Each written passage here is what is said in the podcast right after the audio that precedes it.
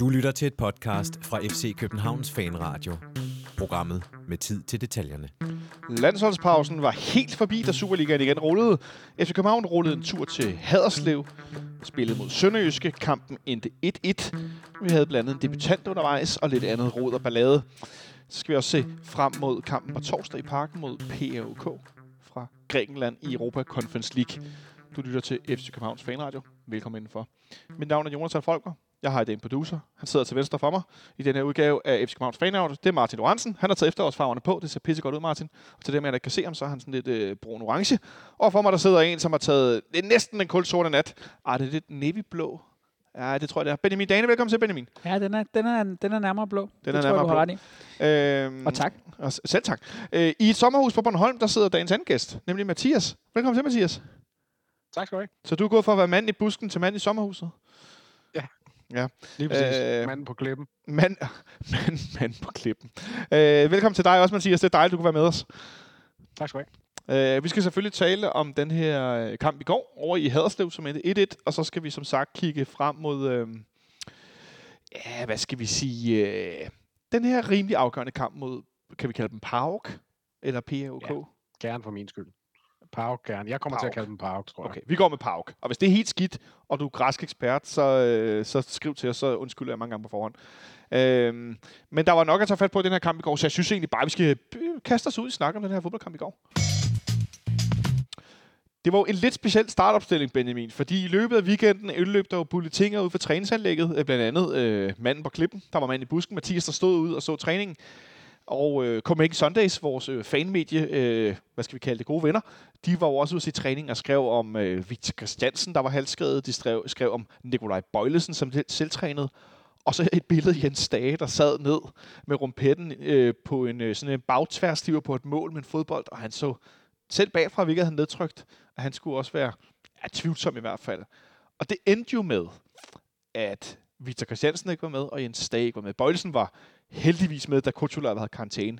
Men det gav jo nogle udfordringer i forhold til den her startopstilling med Kevin Dix på venstre bak, Peter Ankersen, som må sige at være noget ud af kampform, også før i går, har ikke spillet særlig meget på højre bak. Og så en rokade med Pep Biel på højre, øh, højre ving, hvor Jens Dage har huseret det sidste stykke tid. Og så Rasmus Højlund, som angriber foran Jonas Vind. Det var mange ændringer lige pludselig. Ja, og, og det var jo også nogle ændringer, som medførte, at, øhm, at, at det man vel godt kan tillade sig at kalde vores to bedste offensive kort, her taler jeg om Pep Biel og Jonas Vind, øhm, begge to bliver flyttet fra øh, de pladser, hvor øh, jeg synes, at de har vist sig at fungere bedst. I Jonas Vinds tilfælde øh, den forreste angriber, men selvfølgelig med licens til at, at gå med i spillet. Ja. Øh, og øh, Pep Biel i den her øh, tierrolle, øh, og, og hvor de to også ligesom kan ligge og veksle i forhold til, hvem der, der ligger længst fremme, og hvem der, der falder ned i banen. Øhm, og jeg var meget... Jeg var ret frustreret inden kampen i går, øh, da jeg så, at, øh, at Pep Biel sandsynligvis skulle ligge på den her højre kant, hvor at vi jo har set ham spille øh, i, i to sæsoner i, i FC København, og, og mere eller mindre synes jeg er blevet... Øh, enten blevet sådan lidt mast fysisk, eller, øh, øh, eller simpelthen bare, bare forsvundet lidt ud af, af kampene. Øhm, jeg kunne jo så forstå, øh, da, jeg, da jeg så hørte Jes Torup i, i hans postmatch interview øh, med, med, med TV3 efter kampen, at, at ideen var, at at Pep Biel, øh, på trods af sit udgangspunkt i, i højre side, skulle gå ind og finde de rum, som han ligesom plejede at gøre, og så skulle Rasmus Højlund komme på ydersiden, altså søge ud øh, og forsøge at, at udnytte øh, den enorme fart, han jo har, Ja. øh, og forsøge at true Sønderjyske på den måde. Øh, man kan så sige, at, at, at det, er jo, det er jo ret tydeligt i, i første halvleg, at, øh, at, at det ikke rigtig kommer til at virke, men, men om det så er om det så er, er konstellationens skyld, eller om det bare også skyldes, at vores, vores spil generelt ikke flød, det, det, det synes jeg er lidt svært at, at, at konkludere. Øhm, Benjamin vi ikke vil konkludere for meget. Så skyder jeg den gratis, eller i virkeligheden ret dyre bold øh, til, til Bornholm, Mathias. Hvordan synes du, vi fik grebet det an med de her udskiftninger? Nu taler vi mest om, øh, om, om, om spil i første omgang, så kan vi altid tale om defensiv og så videre. Så lad os, lad os tale om vores, øh, vores etablerede angrebsspil i første omgang. Jamen, jeg, altså, det, det var jo selv sagt ikke vellykket. Det, øh, det tror jeg, vi alle sammen hurtigt kan blive enige om, at det er jo Ja, ja, altså nu har jeg siddet og genset det igen i dag, og jeg synes jo ikke, vi har en eneste gennemspillet mulighed i, i hele første halvleg, hvis vi skal starte med første halvleg. Og det, det, det synes jeg er... Øh, det synes jeg er meget bekymrende, og så, og det, og så kan man snakke om rotation og, og bytte en plads mellem Pep Biel og de andre, men, men altså, det burde kunne lade sig gøre selv med en-to spillere ud, lidt ude af position, som så alligevel finder lidt ind i nogle velkendte områder. Det er, det, det er ikke vellykket, det må man sige, og vi har jo masser af muligheder. Altså det, det er egentlig, det jeg synes er mærkeligt, den mærkelige oplevelse, jeg har, når jeg sidder på bagkant af kampen, det er, jeg føler ikke, at vi er ude af kontrol. Altså, vi har egentlig okay kontrol på bolden og på kampen. Vi bliver ikke presset helt ned, og vi bliver ikke øh, revet i stykker defensivt. Men på trods af det, så formår vi ikke at udnytte den, øh, ja, jeg vil gerne tillade mig at kalde det kontrol, formår vi ikke at udnytte til noget som helst, faktisk. Og det synes jeg er, er bekymrende og mærkeligt. Og mærkeligt, ja, Benjamin? Ja, fordi altså, vi kommer jo sådan set okay ud spillemæssigt det første kvarters tid. Øh, det kaster ikke rigtig nogen muligheder af sig, men vi får trykket spillet op på deres banehalvdel. Øh, og har nogle enkelte lige ved næsten, blandt andet en situation, hvor at, øh, at, at Pep Biel tager et, et godt dybdeløb og får lagt den af med hælen til Peter Ankersen, der så jeg har lidt svært ved at se, om det er en, øh, om det er et indlæg, eller om det er en afslutning, men hvis Jonas Vind er en halv meter længere fremme, det er jo et, et angreb, han selv får startet med, med en god diagonal aflevering, jamen så har han en kæmpe chance midt foran mål. Men det bliver ved sådan noget, lige ved at næsten, det bliver ved nogle, ja. nogle indlæg, som, som øh, enten ikke har kvalitet nok, eller som Sønderjyske bare afviser for nemt, fordi vi ikke har nok tilstedeværelse i boksen. Øhm, og, og så er det som om, at, at da det her første kvarter er gået, øhm, så, øh, så, så, så begynder vi at sløse for meget i vores spil. Vi smider for mange bolde, øh, og lige pludselig begynder Sønderjyske at få nogle af de her kontraangreb mod os, øh, hvor jeg også synes, at, at det ret hurtigt bliver, bliver tydeligt, at den her nye centrale midtbanekonstellation, vi har i første halvleg, ikke har styr på, på restforsvaret. Det, det plejer jo at være øh, øh Sækkers hovedansvar. Han er her af, af gode grunde ikke. Øh, og, og, og det, det bliver tydeligt, synes jeg, som første halvleg skrider frem. Mathias, hvor overraskende var det for dig at høre Jes Torup efter kampen tale om, at det var Isak øh, Johannesson, der skulle spille øh, mest tilbagetrukken i virkeligheden, den her sekserrolle, øh, frem for Lukas Lea? Øh, ja, lige første omgang var jeg overrasket, fordi at jeg, jeg var sikker på, og jeg har også... Øh, øh, jeg har egentlig også sagt siden januar, hvor vi henter øh, Lukas Lea, jeg har egentlig troet, at han på sigt var tiltænkt som sækkeafløser. Øh, netop fordi, at han på det tidspunkt i hvert fald øh, slog mig som en lidt mere bold, boldfast og boldstærk 26. Øhm, men, når man, men når jeg så tænker tilbage på en kamp i foråret mod AGF i parken, vores, jeg tror det er første kamp med tilskueren endda, hvor vi, har, hvor vi mangler Lea, vi mangler Sækker, mangler Falk, og vi spiller med Stage og Pep på en central midtbane der var det også Pep Biel, der faktisk var den bagerste, og så, og så Stage, der, der tordnede længere frem. Meget af den konstellation, vi ser med Isak og Lea i går. Øh, så så øh, når man lige kommer det i hu, så, øh, så, så øh, giver det mere mening, man kan sige. Og jeg tror jo også, og jeg tror, at det er også noget, vi har talt om før, jeg tror også, at det er Jes Torups tankegang generelt set, altså hans ønskescenarie fremadrettet, det er, at vores ankermand, sekserposition, kald det hvad du vil, er en mere spillende type, og en mere boldfast type end, hvis vi skal sætte det meget ekstremt op, mere en Pirlo, end en uh, Makelele, hvis man kan sige sådan. Altså mere en, øh, en, øh, en, en, en boldspillende playmaker-type end, end en oprydder. Og der er sikkert nok mere over i oprydder-typen i Jes Torps hoved, og nok også mange af vores andres hoveder. Så jeg tror, at uh, hans ideal, uh, ideal syn på en, på en, på en, på en midtbanespiller i den øh, på den position, det er, det er en mere øh, boldfast og boldstærk type. Så i det, i det scenarie giver det mig fin mening med Isak. Men jeg synes jo netop, at et af problemerne er, at øh, de to rent faktisk kommer til at ligge for meget sideordnet i første halvleg. Øh, og jeg synes først, at den midtbanekonstellation begynder at fungere, da det virker som om, at Lukas Lea får en lille smule, bliver sluppet en lille smule mere løs i anden halvleg. Måske også i erkendelse af, at vi skulle op og jagte det her udlignende mål. Mm. Øh, men hvor han simpelthen får muligheden for at tage de her dybdeløb. Altså han er, øh, jeg, altså jeg tror, vi hurtigt kan, alle sammen kan blive enige om, at Lukas Lea er sådan, i det store hele har skuffet i sin tid i FC København. Øhm, jeg er især skuffet over øh, øh, hans omgang med bolden, men noget af det, han jo rent faktisk gør godt, og som han kan, og, og kan bidrage med på det her hold, det er jo hans løbepensum, og især hans evne til at løbe dybt. Og jeg tror, Lukas Lea, hvis, hvis det skal blive godt med ham i FC København, så er han afhængig af at være i en rolle, hvor han kan få lov til at bevæge sig rigtig meget rundt på banen. Øhm, det er ikke ham, der skal ligge og, og kontrollere. Øh, og, og, og der tror jeg, det er rigtigt, at øh, set og, og lade rollefordelingen mellem de to være en lille smule mere tydelig, som vi så i anden halvleg i går, sådan så at det bliver øh, Isak, der ligger, øh, der ligger dybt og styrer spillet, øh, og Lukas Lea, der får lov til at, at fylde på i feltet en gang imellem, og generelt bare være lidt mere bevægelig. Jeg kan stadig godt være bekymret for, øh, hvordan den her konstellation kommer til at, at håndtere det her restforsvar, som Jes Torup også snakker om efter kampen i går, at han især i første halvleg er utilfreds med. Øh, det er måske mere et, et, et, en bekymring for, hvor meget Isak han fylder øh, inde på den her centrale midtbane, når han ikke har bolden, fordi jeg synes, det er meget tydeligt, især som han spiller sig op i anden halvleg, at han har en, øh, en boldomgang, som er over, øh, hvad vi er, er vant til at se fra, fra de andre spillere på holdet. Altså han simpelthen, øh, han spiller fremad hele tiden, og han slipper bolden hurtigt. Øh, hans eneste problem lige nu, synes jeg faktisk i virkeligheden er, at det engang imellem bliver lidt for hektisk, så han næsten slipper bolden for hurtigt, i stedet for lige at træde på den, og lade være med at forsøge at slå den afgørende aflevering. Det kommer man også høre, at Storp råbte til ham flere gange i går. At han, også især i første halvleg, helt roligt, roligt, roligt. Du behøver ikke at lave øh, anden assisten øh, efter to berøringer. Øh, men det var den centrale midtbane. Ja, Mathias, du markerer. Ja, jeg vil bare lige tilføje til, hvad Benjamin siger omkring Lea. Jeg er fuldstændig enig. Og jeg synes jo også, det er bemærkelsesværdigt, at jeg er jo en af dem, der synes, at slutningen af sidste sæson, der var Lea en af vores allerbedste spillere. Netop hvor han lå i den her rolle, hvor han kunne, hvor han kunne bruge sit løbepensum og komme meget i feltet og komme meget dybt, scorede også en del mål, og fik brugt de forser.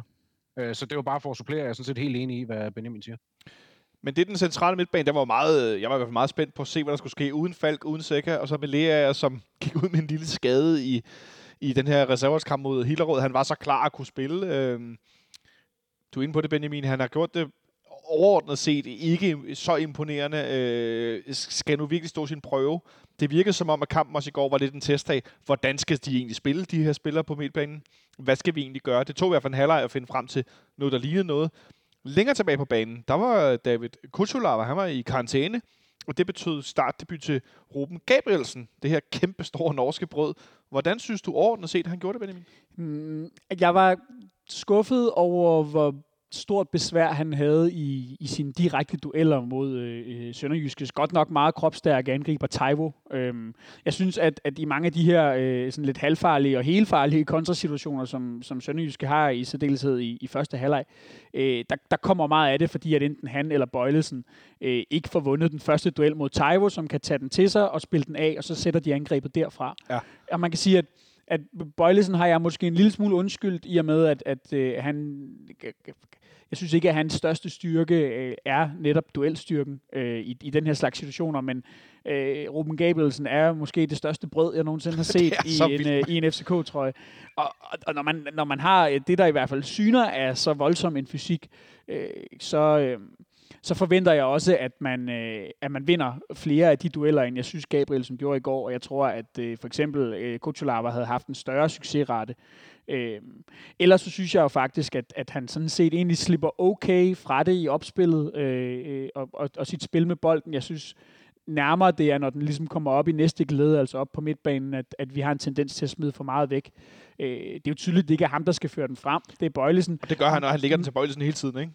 Men han, men, men, men han gør det, han skal i, i opspillet. Øh, og, og, og er jo også fint med til at forsvare på, på dødbolde og hvad der ellers er. Men, men jeg, jeg var lidt skuffet over det her duelspil. Det, det, det havde jeg håbet, at, at han ville vise sig mere suveræn i. Ja. Mathias, kan, man, kan man, eller kan Ruben Gabrielsen undskylde sig lidt, men måske ikke have spillet super mange minutter den sidste periode, dermed være en, en my rusten? Ja, måske lidt, men, men omvendt, så har jeg da også lidt, altså også som, øh, som med Peter Ankersen og med andre også. Jeg ved godt, det måske er svære vilkår, men, men man står også i en situation, hvor man må tage de minutter, man får. Øhm, og så kan man ikke stå og bruge det som en undskyldning bagefter. Ikke, ikke at sige, at han har gjort det, men ja, altså jo, selvfølgelig han er ny og så videre, men det er jo ligesom vilkårene. Altså det, er jo, det kan jo ikke være anderledes, som bliver hentet på deadline day. Og, øh, og så har der været to, to hvad hedder det, to øh, landsholdspauser, og ja, altså det, det er vilkårene, så, så øh, det, det må man bare præstere under. Når man skriver en fire måneders kontrakt, så tror jeg ikke, man kan forvente meget bedre og meget større chancer end det. Nej, øh, og han ender endda med i, i går i kampen i slutningen. Jeg var lige ved at korse mig helt øh, og humpe lidt rundt, og øh, hans højre knæ, tror jeg det var, som der også var bundet ind, hvor jeg tænkte, nu stopper det simpelthen det her skades galskab. Øh, nu nævner øh, Mathias Peter Ankersen, som jo en anden, som jo, øh, jeg ved ikke, om man kan undskylde sig, men i hvert fald måske forklare manglende... Øh, Øh, det ene eller det andet med, at han jo ikke har spillet super mange minutter, i hvert fald ikke noget kontinuerligt, som vi har set om tidligere, hvor at jo flere kampe Peter Ankersen får, det er der ingen tvivl om, jo bedre er han. Hvordan synes du, han gjorde det i går, Benjamin? Jamen, du, du, du siger det jo næsten selv, ikke? Altså, vi har, øh, vi, vi, altså, han, han mangler kampform. Øh, han, øh, han, han får ikke nok ud af det offensivt. Øh, han, han kommer især i den her første, sådan, det her gode første kvarter, ja. øh, som, som vi har i første halvleg, jamen der, der, øh, der opstår de halve muligheder, der er. De opstår jo primært i højre side.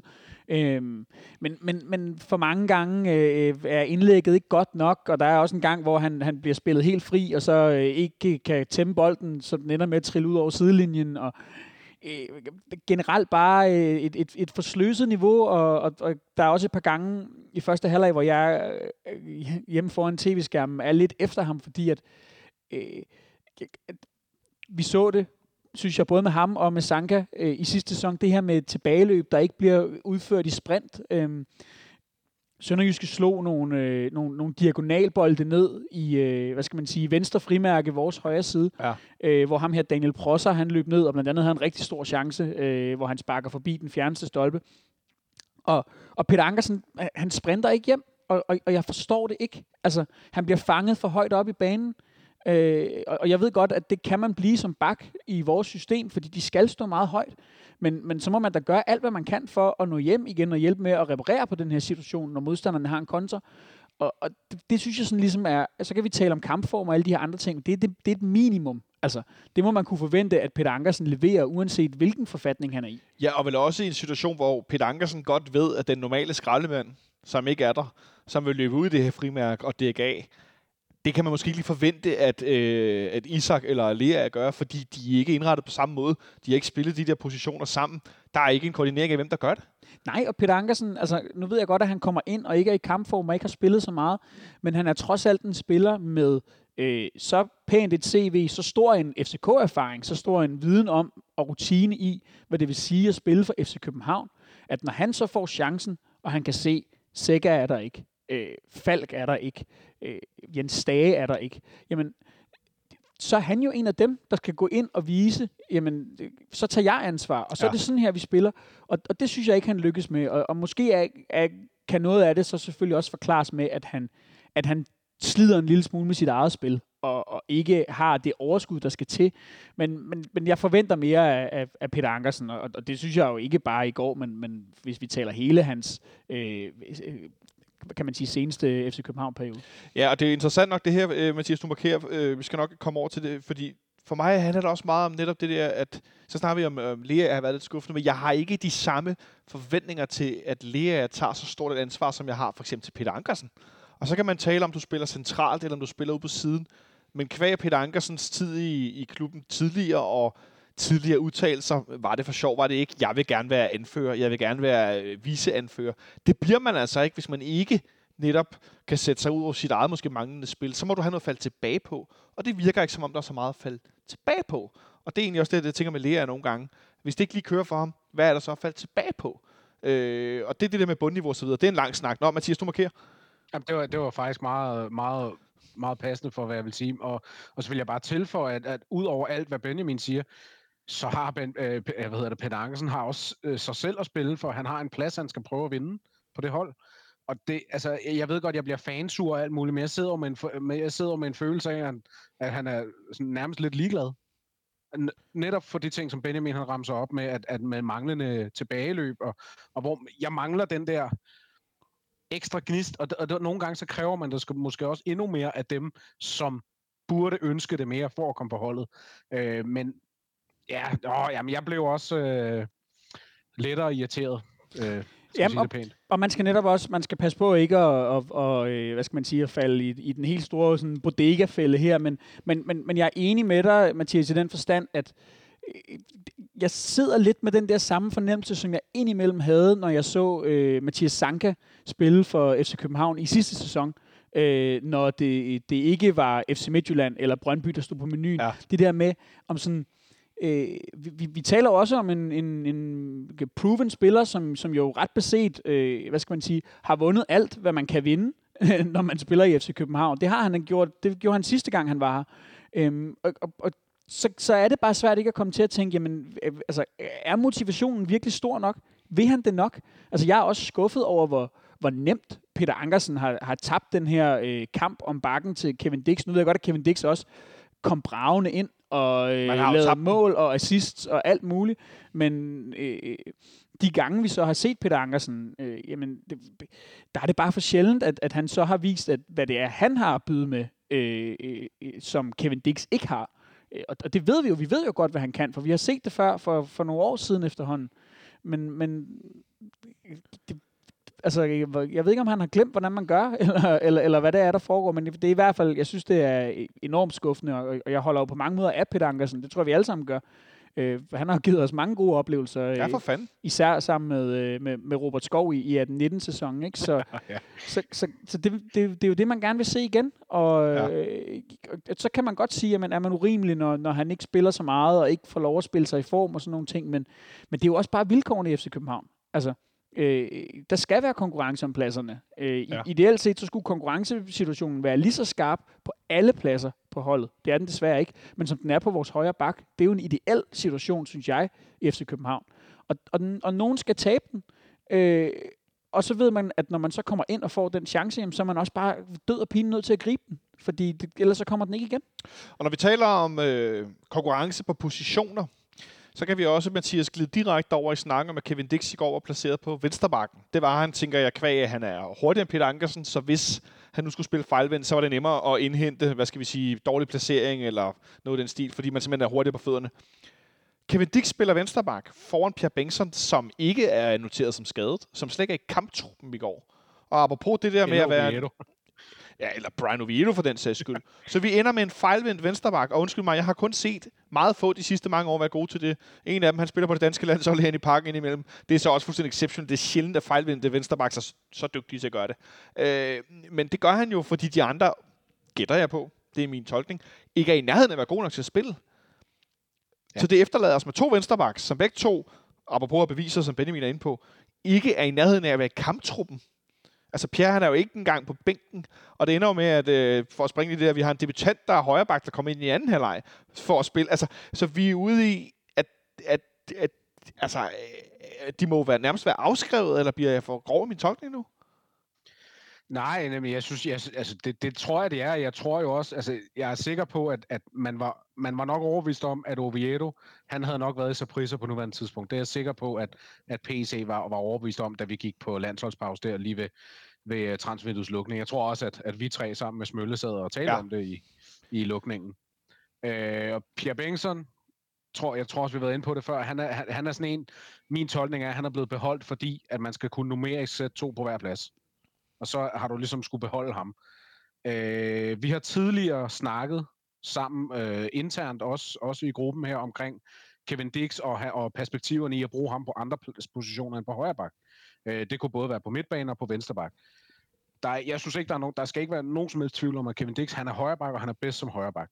Men jeg kan godt se ideen i, at, at bruge ham på venstre bak, fordi han er ikke den her typiske, øh, øh, hvad kan du sige, øh, øh, sidelinje bak-spiller, ala pr- øh, Pierre i sin prime. Forstået på den måde. Han, han løber ikke bare op og ned ad sidelinjen. Og Eller Peter Ankersen for den sags skyld. Eller Peter Ankersen for den sags skyld. Altså han, han, han kan meget ala Joachim Mæle, som du øh, som går ud fra, at du henviste til. Øh, han, mange af hans forser bevarer han i realiteten som vensterbak. Fordi hans forser er meget bekendt, og, og som jeg ser det, det er at, at være, øh, altså være, være aggressiv i sit spil, og, komme, og gå med i spillet, og gå meget ind i banen. Det gør han jo også fra sin højre bakposition. Øh, så, så jeg ser egentlig ikke Kevin Dix blive sådan, på papiret blive voldsomt svækket af at være vensterbak. Og endnu, min, endnu mindre end Peter Ankersen vil være på en vensterbak, eller Victor Christiansen vil være på en højrebak. Øhm, så, så jeg tror, at det er en del af tankegangen, der har været lidt fra start med, med, med, med Kevin Dix, at, at han også kan supplere ud over på højre bakken. Man kan også bare kigge så enkelt på det og, og se, at et af vores første farlige forsøg i hele kampen, jamen det kommer fra Kevin Dix, der har en, øh, en, en afslutning, der øh, som Clarence Thomas i Sønderjyske målet sådan lige akkurat får snittet fingrene på. Det kan godt være, at den var snedet sig udenom stolpen alligevel, ja. men en afslutning mod det lange hjørne, hvor han trækker ind i banen.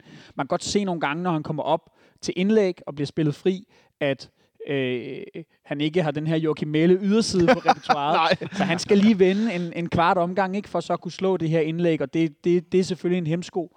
Men netop fordi at Kevin Dix også som højre bak har den her evne til at gå ind i banen, og ganske ofte gør det faktisk med bolden på fødderne, øh, jamen så, så, så synes jeg, det er meget mere naturligt at, at flytte ham over på den her lidt, lidt fejlfodede position, end, øh, end det ville have været at gøre det med Peter Ankersen, øh, som netop, øh, hvad skal man sige, løber en lille smule mere på skinner, øh, når han kommer op af banen.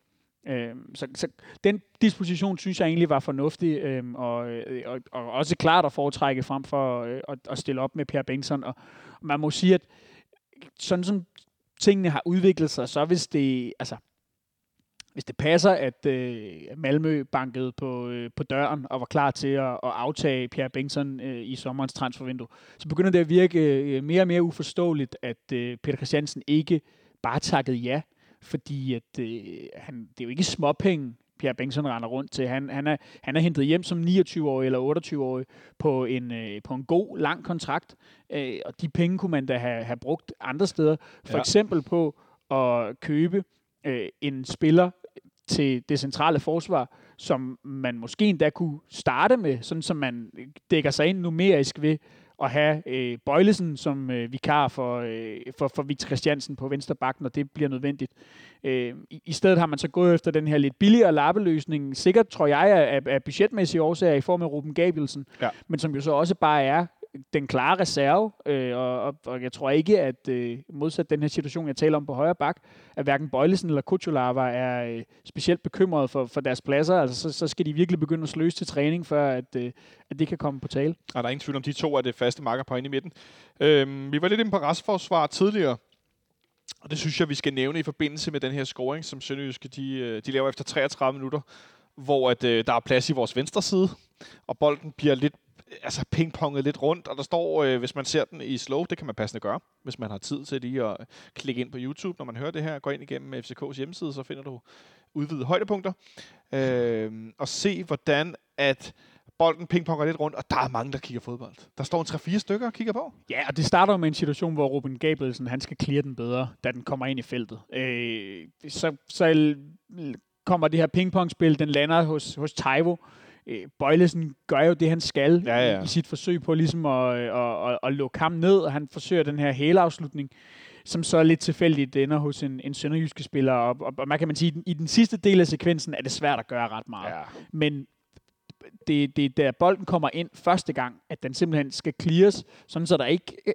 øh kan være tvivl om, at den her situation er afværget og overstået, og det er for mig det, at, at det går galt ved det her mål. Udover selvfølgelig, at vi giver kontraen væk i første omgang, men, men vi har dog trods alt begge midterforsvarer på plads, øh, så vi, jeg mener, vi bør kunne afvise den bold. Det bliver ikke afvist, Mathias. Øh, vi går til pause øh, bagud 1-0 efter den første halvleg, hvor vi præsterer noget så fantastisk som lige præcis 0 skud på mål mod Sønderjyske, som har spillet en elendig sæson indtil nu. Hvor nedtryk sad du og var i sommerhuset i, i pausen der? Meget. Rigtig meget, ja. Altså, jeg overvejede sådan helt alvorligt overvejede at slukke, fordi jeg, jeg, jeg var så rasende. Og det er sjældent, jeg er så rasende. Altså, jeg, jeg ved ikke, om jeg bare har fået nok på bagkant af de seneste kampe, eller hvad det lige var, øh, men jeg var, øh, jeg var måske altså, næsten uforholdsmæssigt meget rasende. Altså i forhold til den, den specifikke kamp, jeg havde intet håb i den halvleg, og jeg, har, og jeg er typen, der altid har håb. Altså, jeg kan altid finde et eller andet at hænge min hat på, og jeg havde absolut 0 i den halvleg. Mathias havde 0 øh, håb at hænge, eller 0, 0 krog med, med håb at hænge sin hat på i pausen, øh, Benjamin. Havde, havde du lidt tilbage i forhold til, at du så nogle muligheder taktisk, udskiftningsmæssigt, vi kunne, øh, vi kunne begynde at ændre kampen på? Ja, i hvert fald så, øhm, så sad jeg med, med et håb og en, og en forventning om, at, øh, at man ville øh, erkende, at øh, det her øh, PBL-eksperiment. Og, og som sagt, jeg tror ikke, han, han skal, det skal ikke opfattes som, at han spillede klassisk højre kant i går. Det gør han jo heller ikke, når han spiller derude. Nej, altså han, han, han spiller der med, med større fripas til at vandre, end vi ellers har set, når han har spillet højre kant under eksempelvis Ståle Solbakken. Ja. Ikke helt så, så, så taktisk bundet defensivt, men dog stadig med det her udgangspunkt. Og, og, og, og, og selvom at jeg, når, han, når Jes Thor forklarer det bagefter, som nævnt, godt kan se, hvorfor man kan have tænkt sådan, så synes jeg også bare, at man, man efter første halvlejs forløb må konstatere, at det har ikke fungeret. Øh, og når vores boldomgang har været så dårlig, især inden for central hold, jamen så skal vi måske have Pep Biel tilbage til det her udgangspunkt, hvor vi ved, at han er bedst. Altså så han starter inden centralt, og så nogle gange kan søge ud til siden, men har muligheden for ligesom at gå begge veje. Øh, og det, det, det kommer jo så først et, et kvarters tid ind i anden halvleg, eller hvor langt det er, der går 20 minutter, det kan jeg ikke helt huske. Øh, og, og, og det tror jeg måske, man skulle have valgt at gøre allerede fra pausen. Øh, men, men vi sender jo de samme, de samme 11 ud på banen, indtil at Rasmus Højlund han bliver skiftet ud, og det er jo så i den forbindelse, at den her rotation, den Ja, kommer. efter 58 minutter. Ja, og, og, og jeg synes, det, der, der viser det sig bare temmelig hurtigt, at øh, Pep Biel er en spiller, du, du ikke skal flytte ud af, af, af position. Øh, øh, og, og hvis du skal flytte ham ud af position, så skal du øh, bruge muligheden for at trække ham en tak længere ned på banen, for at få ham mere på bolden. Det så vi i slutningen af kampen mod Viborg, eller i hvert fald lige op til det her mål, ja. som vi scorede. Og, men, men, men du skal ikke flytte ham ud på siderne. Det, det tror jeg simpelthen er at hæmme ham for meget i hans spil, og der, der går jo så heller ikke øh, så forfærdeligt længe før, at, øh, at, at den her udligning, udligning bliver, øh, bl- bliver sat ind af netop Pep Biel. Nej, fordi når Pep Biel spiller ud på siden, så kan selv Stig Tøfting se, at det er en skidt idé. Øh, vi sætter Luther Singh ind, en mand, som vi også har snakket meget om her i, i podcasten, og i fankredse i det hele taget blevet talt meget om. Det er jo cirka to måneder siden, han kom til klubben, og han har nærmest ikke spillet. Øh, han fik lidt øh, reserveholds øh, spilletid den anden dag. Han kommer så ind i går øh, og øh, gør det, øh, hvad skal vi sige, diplomatisk øh, mildest talt dårligt i de fleste aktioner, han er involveret i. Øh, men øh, det er jo sådan, at når man som tv-kommentator gør sig til et, en stemme, som rigtig mange mennesker lytter til, og man samtidig er ansat hos øh, dem, der har rettighederne til dansk fodbold, det kan vi godt sige. Fordi de rettigheder, Discovery Networks har, de er jo solgt fra F-nemt, altså det der tidligere hed, vi har sat. Øh, så er der rigtig mange, der lytter til det, man siger. Men når den kan Jonas Svart sammen med Stig Tøfting, får sagt, at Luther Singh ligner en, der har spist tre burger, lige han gik på banen. Jeg har set i dag, at Jonas Schwartz skriver, at det var ment som, at han så meget tung ud. Det kan godt være, men det er, en, det er en udtalelse, som meget, meget lidt kan tolkes, som at han bare sidder og siger, nej, se hvor fed han er. Og jeg beklager meget, men det er simpelthen, det er ikke godt nok. Så må du sige, at han ser dårlig ud. Sige, at han er pisse ringe. Sige alt muligt om hans fodboldspil. Men hvordan han ser ud, det er ligesom, når folk begynder at tale om en eller anden hård, der er fodboldspiller. Jeg kunne ikke være mere ligeglad. Jeg taler om, hvordan de spiller fodbold, mand. Sige, han ser tung ud, hvis det er det, du mener, Ja, at, præcis. at, at, at, at, er tilfældet. Altså, svært er det jo ikke. Jeg synes også, at den kommentar var, var under lavmålet. Altså, det... Øh, så Ja, jeg, jeg, jeg ved næsten ikke, hvad jeg skal sige. Jeg, jeg synes, det er usagligt, og, og øh, man skal jo også huske, at øh, i, sådan en klassisk kommentator, øh, hvad skal man sige, sådan fordeling, jamen der har du jo øh, øh, selve sådan tv-kommentatoren, der skal føre dig gennem kampen, som er en, en journalist, øh, som, som skal formidle den, og så har du en, en ekspertkommentator ved siden af, som, som ligesom øh, skal bidrage med, øh, med noget analyse og, og nogle, nogle sådan fagligt funderede holdninger. Øh, og, og jeg er med på, at, at, at det ikke er så skarpt opsat, men, men det virker så bare, det virker mærkeligt, når, når den kommentator, som ligesom er hovedkommentatoren og skal tage dig gennem kampen, øh, øh, forfalder til øh, sådan noget, der næsten er en lille smule sådan småperfidt, ikke? Altså, Jo. øh, det, det, det klæder ikke nogen, og det, det, ja, det, det håber jeg da, at han, at han selv er i stand til at se, at øh, man måske kunne moderere øh, retorikken bare en, bare en lille bit smule i, i sådan et tilfælde, fordi det er jo færre at synes, at, at Luther Singh ser tung ud, eller ligner en spiller, som ikke er i kampform, eller hvad man nu mener. Det, det tror jeg, en enhver, der sad og så den her kamp, var i stand til at se. Øh, men, men, men det der er jo sådan noget, det, det, det tenderer jo sådan lidt, øh, det begynder at lyde sådan lidt mobningsagtigt, ikke?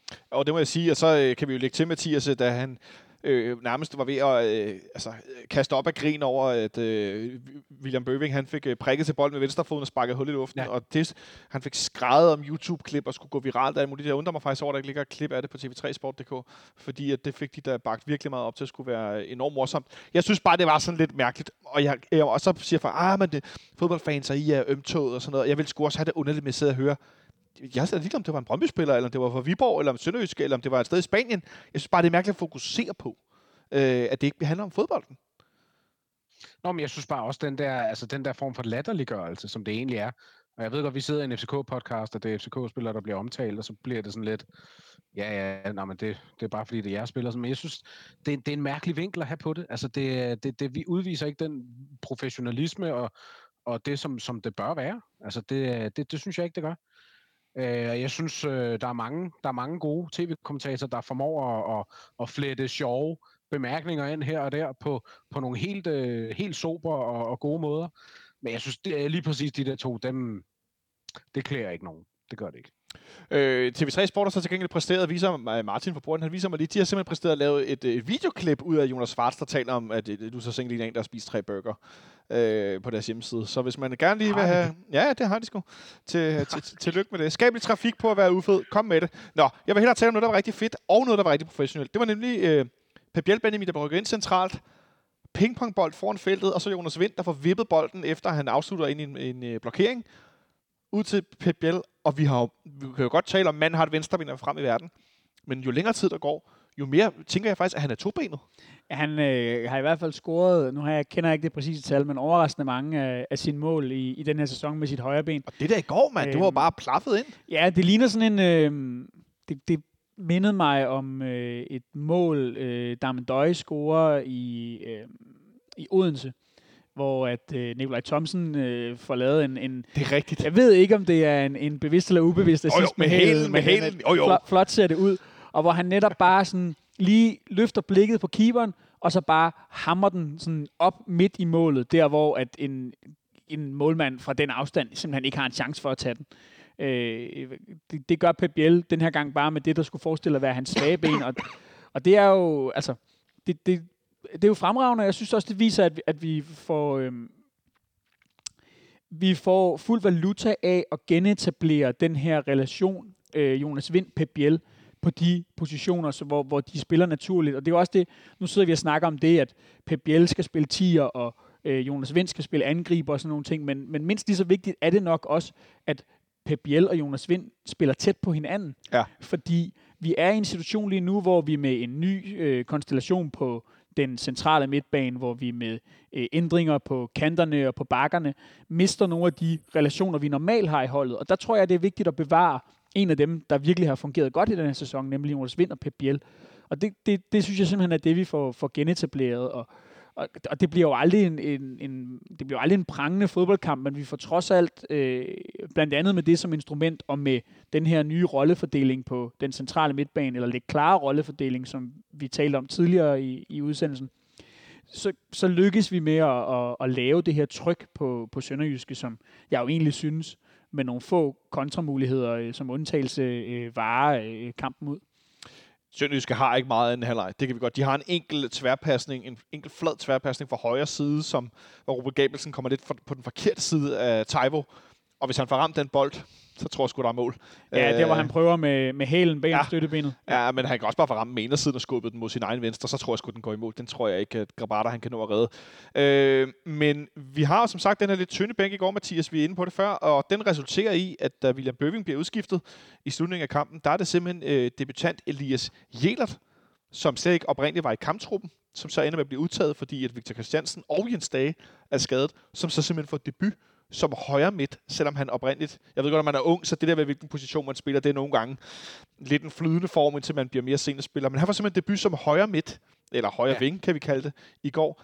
Øh, Stort tillykke til Elias med debuten, men, men, men det er vel også bare sigende for den situation, vi er i. Men alligevel, at han ender med at komme ind, i stedet for nogle af de andre spillere, som allerede... Ja, altså, jeg var meget overrasket over, at det ikke var Havkon Haraldsson, der kom ind, for eksempel. For eksempel, ja. Øh, altså som, som jo er en, en, en mere etableret offensivspiller for det første, som har vist sig lidt mere frem på det seneste, øh, både i forhold til U19 og, og øh, U21 U19 for Island, og ja, men altså jo, jeg var meget overrasket over, at det var Elias Jellert, der, Jellert, Jellert, der kom ind.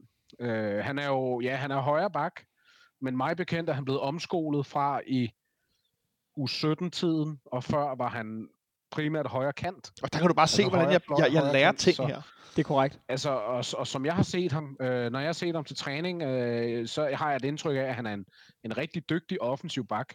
Hans defensiv er, er sådan lidt i tvivl om, så i forhold til, om han, om han nogensinde slår igennem og sådan noget, men, men, men, men min pointe var mere, at, at derfor kunne jeg godt forstå ideen med at sætte ham ind, fordi at han, han er ret hurtig, og han virker til at have en, en, en, altså en god teknik og en rimelig god øh, indlægsfod.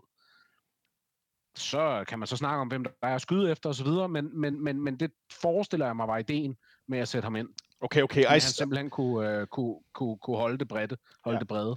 Ja, I stand corrected. Benjamin?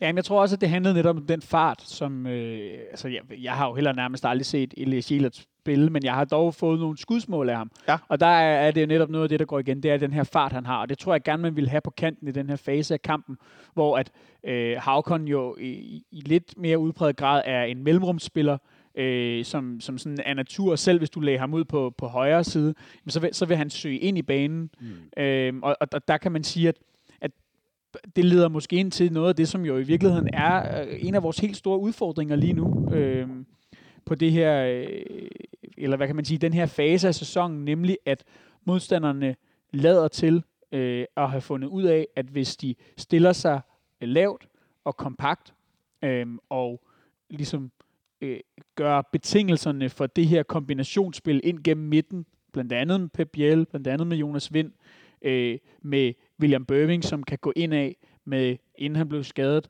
Rasmus Falk, øh, og hvad vi ellers har. Øh, nu er det jo så Isak. Jamen, gøre betingelserne for dem så dårlige som overhovedet muligt, og så bare ligesom øh, opgive kanterne og sige, lad dem, lad dem slå de indlæg, de vil. Og jeg tænker i endnu mere udpræget grad, når Jens Staser heller ikke er med, som han øh, ikke var i går, øh, så har vi svært ved at blive farlige, fordi at, øh, at vi ikke har, sådan kan lave gennembrud på kanterne. Vi har ikke spillerne, der kan øh, sætte det, deres direkte modstander en mod en, og ligesom drible sig ind i feltet på samme måde, som vi så Darami gøre efter behag, øh, mens han stadig var i klubben. Øh, så, så de her indlæg ender med at komme fra nogle baks, og de ender tit med at komme lidt tidligt, og hvis der er noget, der er relativt nemt at forsvare i sådan moderne seniorfodbold, jamen så er det tidlige indlæg, fordi øh, de giver god mulighed for, at keeperen kan komme ud, øh, modstandernes forsvarsspillere kan ligesom angribe bolden lidt mere, end hvis de kommer ned fra baglinjen.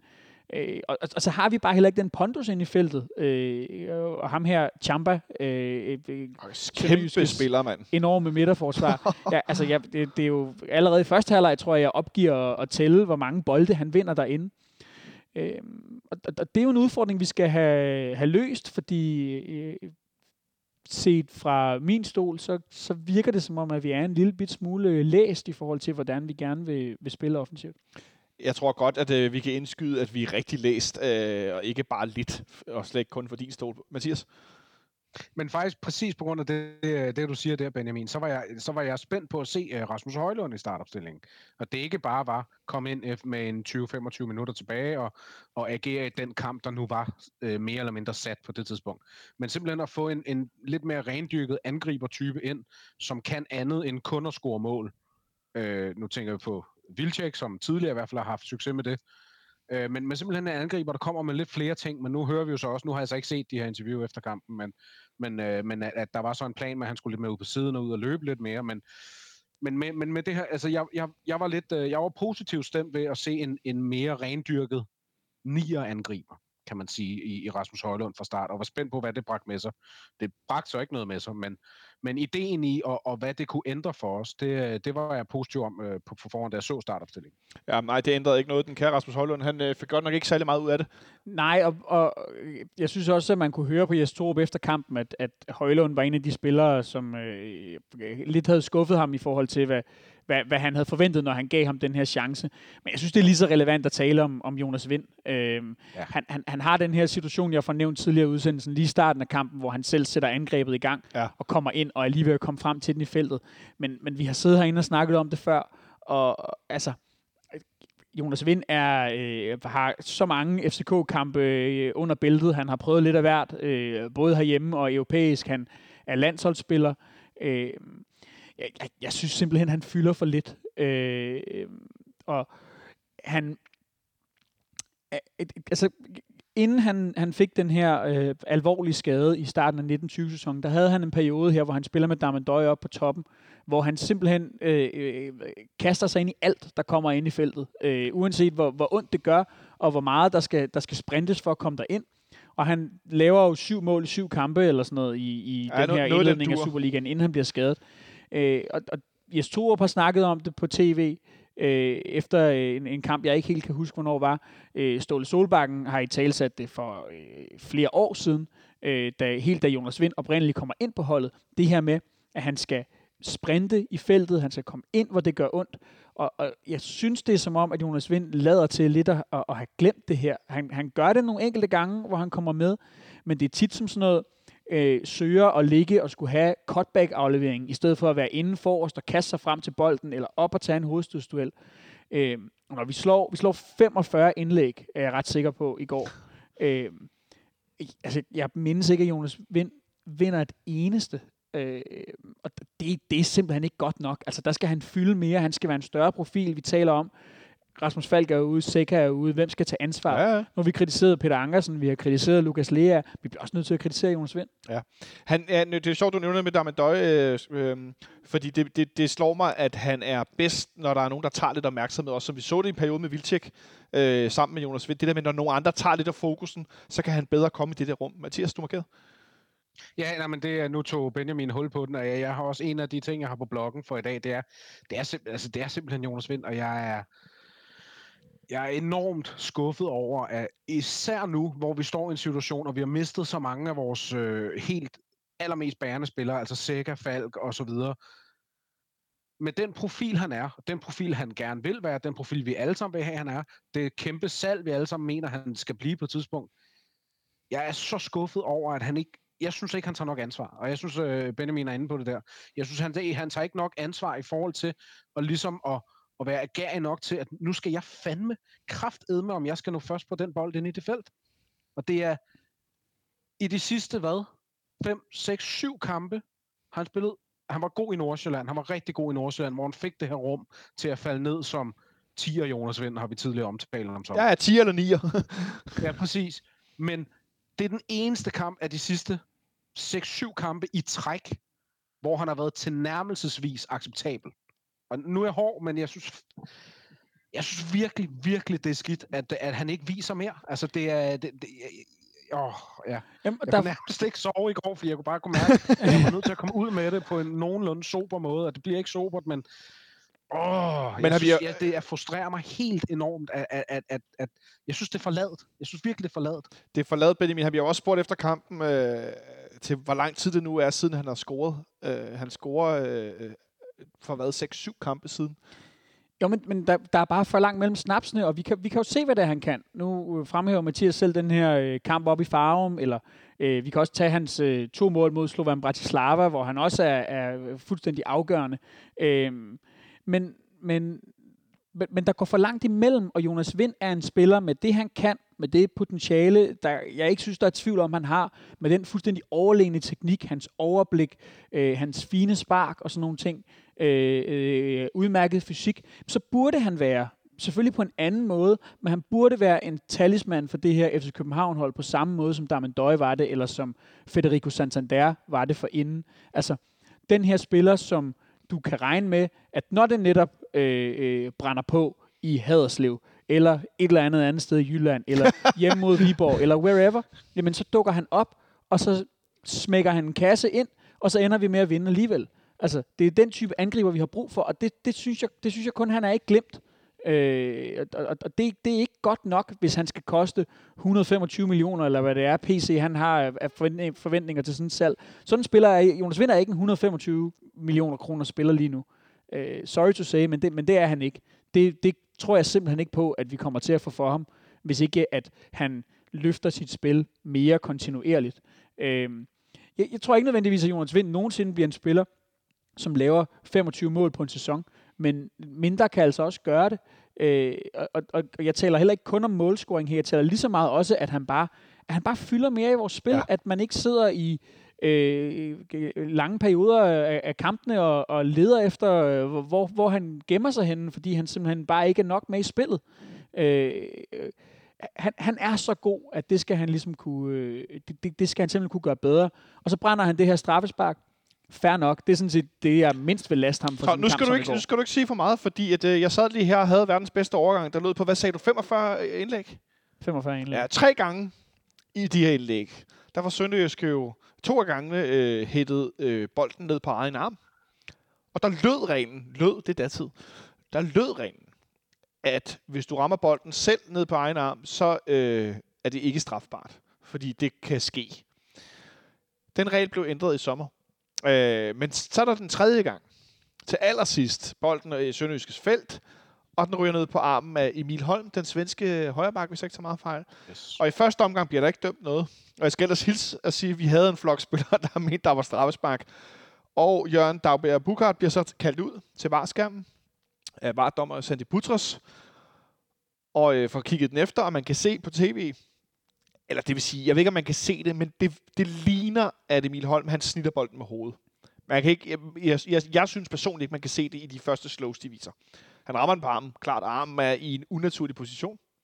Right? Den er sådan hævet op, i, øh, op mærkeligt. Øh, den er ikke ned langs siden eller sådan. Øh, og øh, dommeren vil så dømme straffespark. Samtidig med det, så hører vi hele kampen igennem, så er vi tilbage til Jonas Svarsted sidste tøfting, omkring den her regel med, at man ikke må hætte ned på egen arm. Det er så en regel, der blev øh, stå, øh, slettet øh, worldwide i sommer, har vi lavet os fortælle af regelopslåningsmaestro Nikolaj Sten Møller, også kendt som Smølle. Øhm, fordi at det var simpelthen det var for, øh, hvad skal man sige, for nemt at hætte. Altså, der var, du må jo ikke tage det med hånden for fanden, øh, men hvis den ramte dit eget hoved. Så den regel er blevet fjernet. Det blev de ved med at fable om, at den her regel den øh, var gældende. Det er den så ikke. Men til gengæld så handler det om placering af armen. Er det rigtigt forstået, Benjamin? Øh, altså, det som Jonas Svarts øh, siger, øh, mig bekendt både i, i første og anden situation, øh, hvor Der, bolden... der er tre i alt, ikke? Ja, de første to, der bliver bolden ret klart hættet ned på armen. Der siger han, så kan der automatisk ikke øh, være straffe. Øh, Stig Tøfting, især i anden omgang, øh, brokker sig så over, at øh, det, han mener, det bør kunne give straffe, for som han siger, øh, at det er at belønne dårlig teknik, når man flagrer med armene, og så bare hætter den ned på sin egen hånd. Ja. Øhm, det der er, det er, at i de regler, som galt i sidste sæson, der har der været nogle relativt, og nu refererer jeg primært, hvad, hvad Smølle han ligesom har gravet frem til os, har der været nogle relativt sådan, specifikke bestemmelser omkring, øh, hvad skal der dømmes i de her situationer. Men man har simpelthen i de reviderede handsregler til den her sæson fjernet øh, de her passager, øh, og dermed ligesom lagt op til, øh, man kan sige, den positive udlægning af det, at øh, det bliver et øh, dommerskøn. Øh, den negative og smølles udlægning er, at det bliver en sådan lidt mudret gråzone, hvor at, øh, det er svært at, Det kan gå alle veje, mand. Jamen fordi at det, så, så det er sådan set, det er sådan set, altså både det den ene og den anden kommentator siger er, øh, hvis det her står til troende forkert, fordi det er simpelthen dommeren, der skal ind og vurdere, øh, er det, øh, er det, er det, er det, er det tilfældigt nok? Er armen i en tilpas unaturlig position? Gør spilleren sig øh, bredere? Højere, mærkeligere. ja, de her sådan forskellige ting, som, øh, som, som så kan, kan øh, få indflydelse på, om, om det ender med et straffespark eller ej. Og jeg synes jo egentlig, hvis man kigger på det, som, som det er jo øh, Jørgen Bukhardt, der, øh, der, der dømmer kampen, og Santi Putros, der sidder ude i varvognen.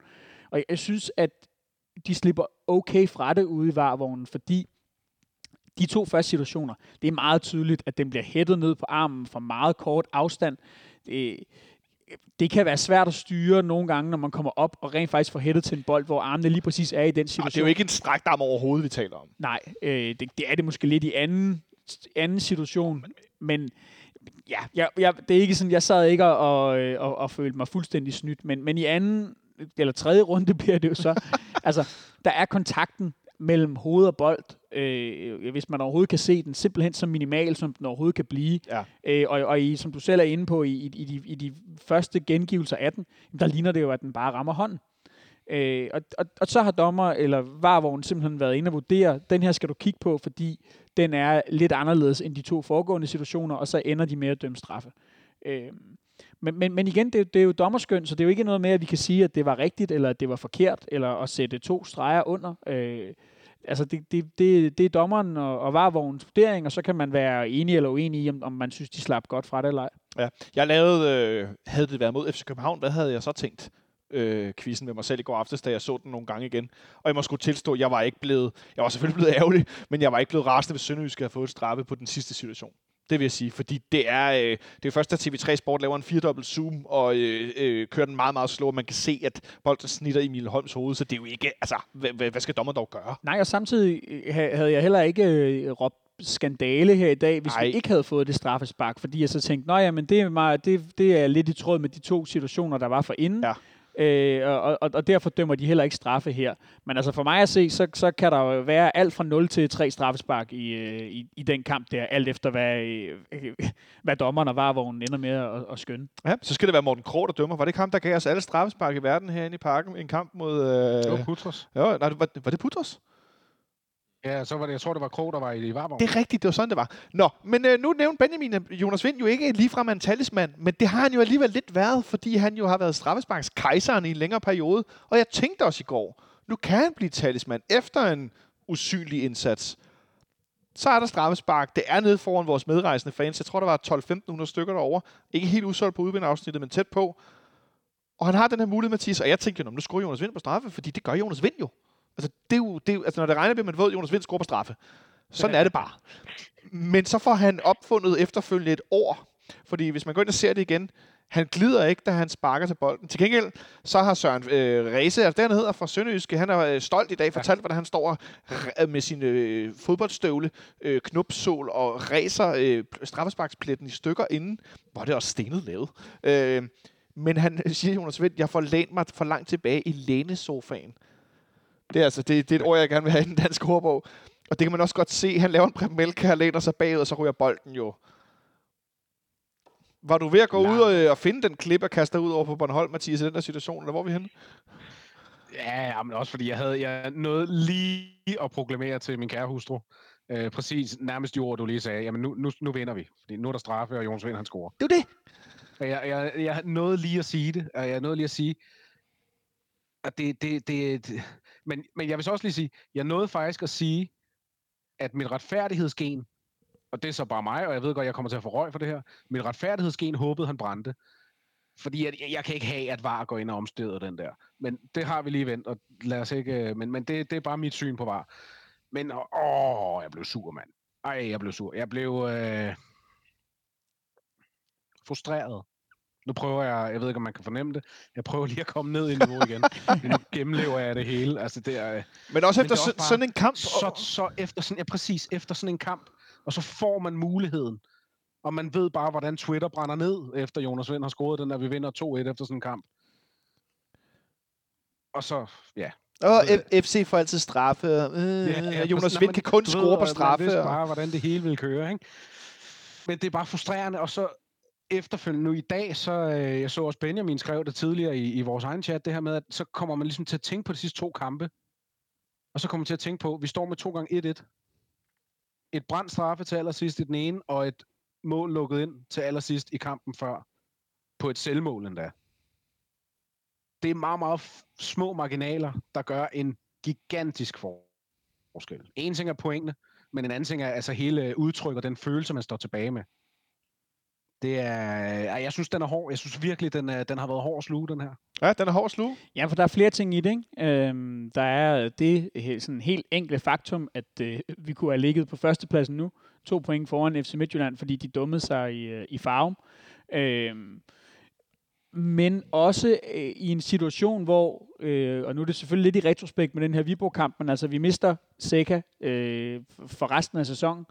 Øh, havde man alligevel kunne krige tre point hjem i den, havde den her nye konstellation øh, på flere forskellige pladser, øh, og, og skader til Stage og skader til Christiansen, havde de alligevel, uanset hvor, hvor, hvor elendigt det måtte have været, uanset hvor lidt overbevisende, øh, uanset hvor shaky og hvor mange kontramuligheder Sønderjyske de har haft, havde de stået tilbage med tre point, og det er jo også det, som Jes Torup siger efter øh, kampen i tv i går, det her med, det ligesom moralboost, det havde været til de her tre, øh, hvad hedder det, øh, 18-årige, vi øh, starter med, og, og fjerde 18-årige, vi sætter ind.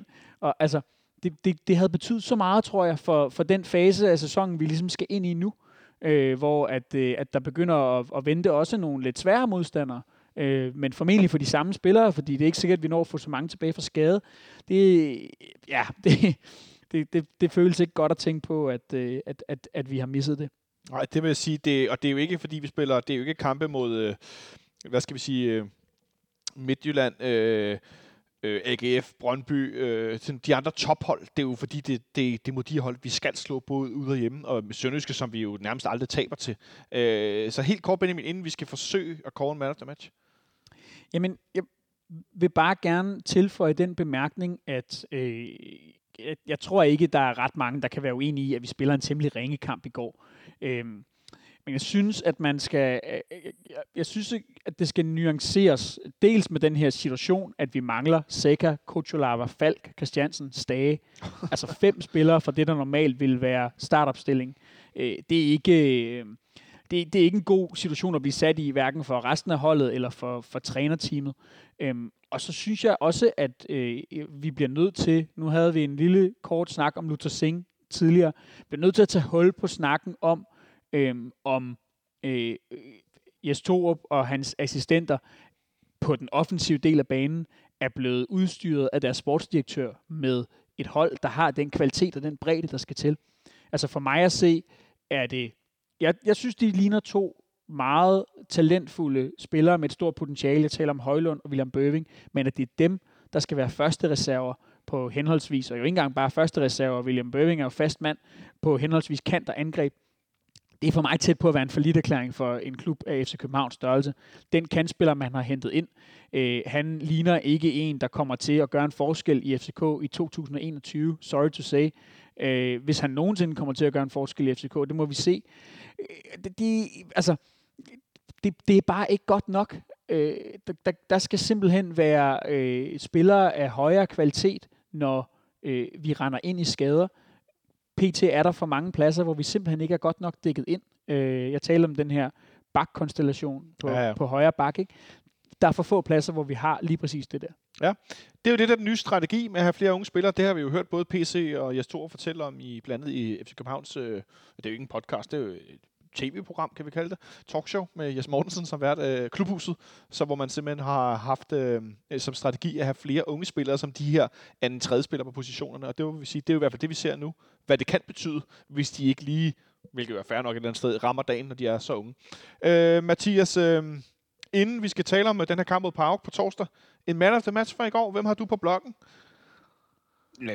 Ja, det må blive Biel, tror jeg. Ja. altså, jeg, jeg synes jo ikke, der er super mange, men jeg synes, Pep Biel, han trods alt... Øh, han, han, han, han er den, der prøver mest. Han er også den, der scorer målet. Øh, jeg synes, øh, når der er nogle ting, der nærmer sig at lykkes, så synes jeg, det er ham, det kommer igennem. Så jeg, jeg synes, han er mit bedste bud. Ja, Pep Biel fra, øh, fra Klipøen. Jeg øh, giver den til Isak, for øh, især den anden halvleg, han leverer, der synes jeg, han er øh, en central aktør i det tryk, vi får lagt på Sønderjyske. Jeg ja. nævnte det før, det her med hans, hans evne til at spille hurtigt og hele tiden spille fremadrettet. Øh, hans visioner for spillet, øh, det, det synes jeg var et stort lyspunkt, især har vi talt så meget om, hvordan vi skal løse det her inde centralt, og øh, altså jeg, nu kommer jeg med en, en spot om, som kan ramme mig i hovedet. Sådan. Hoved på det. Boomerang. Øh, jeg tror, Isak Bergman skal have fem kampe i streg, og så ser han sig ikke tilbage i FC København, tror jeg. Han har så meget kvalitet, så, så jeg er slet ikke i tvivl om, at, øh, at det bliver en kæmpe succes. Og vi skal lige huske på, han er altså ikke 25. Han har ikke spillet 250 kampe i Allsvenskerne. Han er 18 år gammel. Altså, det, det, det, det er ret vildt, den måde, han dirigerer, fordi jeg havde nemlig også øh, Pep Biel, og jeg har faktisk jeres to. Jeg var lidt i tvivl. Den der anden halvleg, Isak han sætter sammen i går, det er, det er altså ret vildt. Inden Benjamin lige slutter den af, hvad, hvad siger du til det, Mathias? Øh, jamen, jeg vil bare tilføje og så sige, at, at øh, det eneste, jeg kunne se skulle stoppe det, det var, at han blev ved med at blive skubbet rundt på positioner. Altså så er han måske lidt på en kant, og lidt på en 6 og lidt på en 8. Men, men jeg er også enig i, at give ham fem kampe i træk på samme position, øh, som, så han ligesom ved, hvad han skal arbejde med, og ved, hvad han skal videreudvikle, så, så tror jeg, du er fuldstændig ret. Så, øh, så, så er det bare en vej frem. Lad ham ligge i den der playmaker-rolle. Øh, lad, ham, lad ham få den ro i spillet, som han mangler.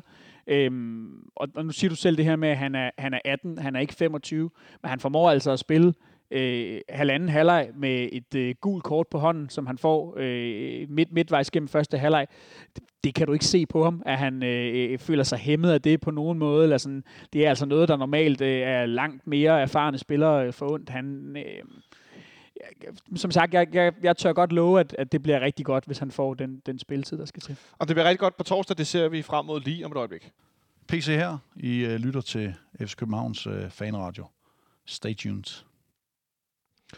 Nå. En ting er, at vi skal spille på torsdag, men Benjamin, jeg bad dig om øh, lige at kigge på kampprogrammet for den kommende periode, fordi vi jo nu er i en situation med skadede spillere og en lidt decimeret trup og nogle rigtig, rigtig vigtige kampe i den kommende periode, som gør, at det kan måske være meget rart at have en lille smule overblik over øh, det, vi jo i fodboldterminologi kalder for sekspointskampe. Hvad er det for nogle fikspunkter, vi skal holde øje med den kommende periode? Jamen altså, for mig er alt jo indstillet, øh, og det er selvfølgelig med det korte lys på, men det er jo det, er jo det her derby, som, som vi skal spille på, på søndag ja. den 24. Øh, ude i Brøndby. Øh, nu talte vi lidt om, om det her boost, som det kunne have givet øh, til det her hold med nye konstellationer, at få point, eller få tre point i, i de her to seneste kampe. Øh, ind i øh, det, som er helt åbenlyse årsager, altid er en af sæsonens vigtigste kampe, uanset hvor de og vi ligger i tabellen. Ja. Øh, men selvfølgelig også fordi, at vi nu har sat os selv under pres i forhold til FC Midtjylland. Øh, og de bliver jo virkelig max-testet, de her nye øh, sammensætninger på, på, på, på banen. Altså vi må jo se, om vi har Christiansen med, om vi har Stage med. Øh, den kamp skal øh, skal overstås med, med, med tre point, og jeg er ligeglad med, øh, hvor meget hiv og sving det, det bliver med. Fordi derefter kommer vi ind i en slutning, og jeg har tilladt mig at, at kigge mest på, øh, på Superligaen i forhold til det kommende kampprogram. Ja, det, og, og når du siger det, så, så, så, så, så synes jeg, det er vigtigt at nævne, at kampen på torsdag og det kan, jeg, godt, det kan jeg også godt sige, der taler du også om vedkommende mod Pau. Den anser du som betydeligt mindre vigtig end for eksempel kamp på søndag. Ja, og det gør jeg også med returkampen øh, øh den, øh, den 4. november og øh, udbanekampen den, den 25. november mod, øh, mod Lincoln Red Imps nede i, i Gibraltar. Øh, det, det, det Superligaen, det handler om først og fremmest nu, og selv at hvis vi ikke får de resultater, vi ønsker i de her to PAUK-kampe, så er der stadigvæk, så ligger vi så godt til i den her gruppe, at, øh, at vi stadig bør have rigtig gode muligheder for, for, for at gå videre. Øh, så, så kommer der, øh, efter den her Brøndby-kamp, så møder vi jo Vejle på, på hjemmebane. Øh, nu så vi, at øh, dem kan man bare godt få problemer med, øh, selvom at øh, de ligger... Øh, helt nede og, og, og skraber på den. Det bør vi selvfølgelig ikke. Så har vi Silkeborg, så har vi AGF hjemme, øh, og inden vi så slutter af med en, med en svær kamp i, i Aalborg. Men kommer altså tre kampe i kølvandet på, øh, på, på, den her, øh, på det her derby, hvor der i min optik bør være mulighed for, at, at de her relationer virkelig kan blive spillet ind, og at øh, modstanderen heller ikke er bedre, end at øh, vi forhåbentlig kan tanke noget af den her selvtillid, som, øh, som Jes Torup taler om. Ja, men jeg, jeg er fuldstændig enig, og jeg synes jo også, at, øh, at det er vigtigt at huske på, at, at som jeg ser det, det, det er jo selvfølgelig meget, øh, som, som, som man ser det hver især, men som jeg ser det, så, så, så er vores hold lidt på et, et lavpunkt lige nu. Men hvis det er lavpunktet, det vi oplever lige nu, så betyder det jo også, at der er masser at bygge på. Altså, så der er masser af positivt at hente. Der er, øh, som før omtalt, der er nogle midtbanekonstellationer, der skal finde på plads. Der er forhåbentlig en Jonas Vind, der finder tilbage til bare nogenlunde øh, vanligt niveau. Nogle kanter, der måske slår lidt mere igennem, om det så er Singh, Bøving, whoever. Altså, der er masser potentiale, der er masser, der kan opfyldes. Og det er jo ja, det, er jo, det er jo positivt, at, at muligheden er der, kan man sige. Det er jo selvfølgelig negativt, det ikke er kommet. Men hvis det er det lavpunkt, vi oplever lige nu, vi er stadig kun tre point efter Midtjylland. På trods af alle de her kvaler, som vi snakker om. Så det synes jeg jo, at det, altså værre er det jo heller ikke på papiret i hvert fald. Og så dernæst, så kan man jo også sige, at, at for hver runde, der går, og for hver runde, vi holder snor i Midtjylland, kommer vi også tættere på et nyt transfervindue, hvor at der kan blive suppleret ind til især den offensiv, som, som vi jo alle sammen, tror jeg, vi er enige om, er, er mangelfuld. Ja, og så den centrale midtbane, hvor der jo har allerede været lidt historie om, at øh, vi allerede her til vinter vil begynde at kigge os øh, om efter en, en afløser for Carter Sikker, som jo er 33, bliver 34, inden han formodentlig er tilbage bare i en eller anden form for, øh, jeg får lyst til at sige fodboldspiller, øh, form, men også bare som, som mennesker, der kan løbe en tur. Jeg må jeg bare sige med, med den ja. centrale midtbane der, øh, jeg synes jo, det er sådan lidt interessant lige nu, fordi at vi, midtbane er et stort spørgsmålstegn for os alle sammen. Altså, hvordan ender den her konstellation? Er det Isak Lerager i en, øh, som vi talte om tidligere med Isak i playmaker-løsning, og Lerager, der går lidt mere frem? Ender det med at spille så kan det være, man kører, så, kan, vi- og så får vi ligesom Falk ind, plus vi har stadig Andre Baldursson, plus hvis vi, får, hvis vi lige pludselig får nogle flere kanter, så har vi også Jens Dage, der kan komme ind. Altså lige pludselig kan vi stå med ret mange midtbanespillere, hvis man lykkes med at finde en konstellation. Så det tror jeg også er ret afgørende for det transfervindue, vi rammer til januar, hvordan de næste, hvad, 7-8 kampe går på, på lige præcis på den front. Øh, det var bare for at knytte en kommentar til det her, som øh, Mathias siger med, og, øh, og ligesom at holde snor i FC Midtjylland. Altså, jeg har jo, øh, siden at det, det kom frem, hvor græld øh, sikkert skade desværre var, og at Falk jo også øh, ville være ude længere, end man oprindeligt havde forventet, øh, hele tiden haft den indstilling til resten af øh, den her efterårssæson, at det handler om, at når øh, spillerne går på ferie øh, sidst i øh, november eller start december, hvornår det nu er, så øh, det er den 9. december, kan jeg så afsløre, fordi der møder vi Slovan Bratislava hjemme. Jeg har jo kampprogrammet her. Øh, det eneste, det handler om, det er at være inden for rimelig afstand af FC Midtjylland. Øh, ender vi med at ligge nummer et, så er det, så, så er det ren krømmel på, øh, på kagen lige nu. Vi skal være inden for rimelig afstand, sådan så vi kan angribe den for foråret. Og når jeg siger rimelig afstand, så mener jeg maksimum. Og det er maksimum 6 point. Fordi jeg tror, at hvis vi kommer... Hvis afstanden bliver større end det, så er løbet kørt. Altså, så, øh, så, så bliver det for svært at hente. Men er vi på øh, 3, 4, 5, 6 point, eller endnu bedre, jamen så øh, kan vi gå ud og forhåbentlig forstærke os i løbet af, af transfervinduet, og så kommer der altså en, øh, en forsæson, hvor vi stadig skal møde dem tre gange, og så, øh, så, så vil jeg mene, så, så kan alt ligesom ske. Øh, men, men, men, men vi må heller ikke komme længere væk end det, fordi så, så er det slut. Ej, vi, vi har et, øh, en bund, der skal hæves, som jeg hørte, både på det, I taler om kampen i går i Haderslev, og om det kommende program, du har kigget på, Benjamin. Der er noget bundniveau. Øh, man kan så sige, som Mathias er inde på, så bliver han helt positiv alligevel øh, på sin sommerhustur. Han endte det, med, det er jo det, jeg sagde tidligere. han endte med- som udgangspunkt, så kan jeg altid finde noget positivt. Ja, han ender med at sidde og sige, nej, der er muligheder, der er potentiale alt muligt.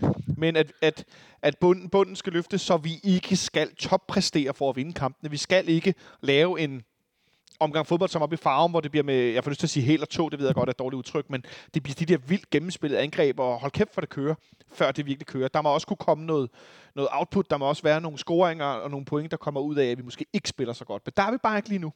Det må vi erkende. Og vi ser der på torsdag. Det er jo det næste, fordi at, øh, jeg må indrømme, at jeg blev noget øh, overrasket, da jeg kiggede tidligere øh, på, øh, på, på resultaterne fra, fra, fra weekendens kampe. Og så ser jeg, at i går, der spiller Pauk hjemme mod et hold, der hedder Volos. V-O-L-O-S. Volos, Volos. Og de spiller simpelthen 4-4. Hvilket i sig selv jo er ret vildt. Øh, det er Især sådan, fordi de ligger af point, øh, nummer 2-3 stykker i ligaen. Præcis, de ligger med point. Men øh, den her kamp den ender 4-4. Ret vildt. De kommer bagud 1-0 efter kvarter, øh, Pauk, og så scorer de fire mål i første halvleg. Og foran 4-1 i pausen, så tænker man jo 4-1 på hjemmebane. Nå ja, så kører bussen. Så lukker de to mål ind i starten af anden halvleg. Brænder et straffe ved 4-3, og så udligner to minutter efter Volders til 4-4. Jeg, jeg kan godt med, at jeg skal finde de her højdepunkter et eller andet sted på nettet, fordi det lyder som en fuldstændig sindssyg fodboldkamp. Øh, med, øh, med 15 skud på mål i alt, øh, for beg, for, øh, samlet for begge hold. Det er ret, øh, ret voldsomt. Men øh, 8 mål. Øhm, nu er det jo ikke fordi, vi, vi lige nu, vi havde en periode, Benjamin, hvor vi scorede ret mange mål i de fleste kampe. Vi havde øh, to-tre mål i mange kampe. Ikke lige nu med den konstellation, vi har, men mod et forsvar, som lukker mål ind på den her måde, det lyder da som noget, vi godt kunne arbejde med på hjemmebane, på trods af et lidt decimeret hold. Ja, man skal, man skal øh, huske på, at det, det her godt kan have været sådan en, en lidt øh, enestående freak-kamp, fordi hvis man kigger på øh, Pauk-sæsonen sådan som helhed øh, okay. i den græske liga, jamen, så er de jo så nu oppe på totalt set at have lukket øh, syv mål ind i seks kampe. Øhm, og så kan man jo lave lidt hurtig hovedregning oh, satans. og sige, at øh, det betyder, at de inden den her kamp altså kun havde lukket tre mål ind i fem kampe. Øh, og det, det tyder jo ikke på et hold, der generelt har problemer med at forsvare, men måske snarere øh, et hold, som... Øh, nu så jeg jo ikke kampen, men sådan en kampbillede der tyder på, at der er nogen, der kommer til at hvile en lille smule på lavbærene. Oh, nu, har tro, nu prøvede jeg lige at tale vores, øh, At den vores muligheder op her, ikke? Ja, øh, jeg, jeg, jeg har det ambivalent med, med den her kamp. Altså, øh, jeg, jeg skal jo selvfølgelig ind og se den på torsdag. Øh, Jeg har købt billet, og, og jeg, det glæder mig jo også til at komme i parken, som jeg plejer.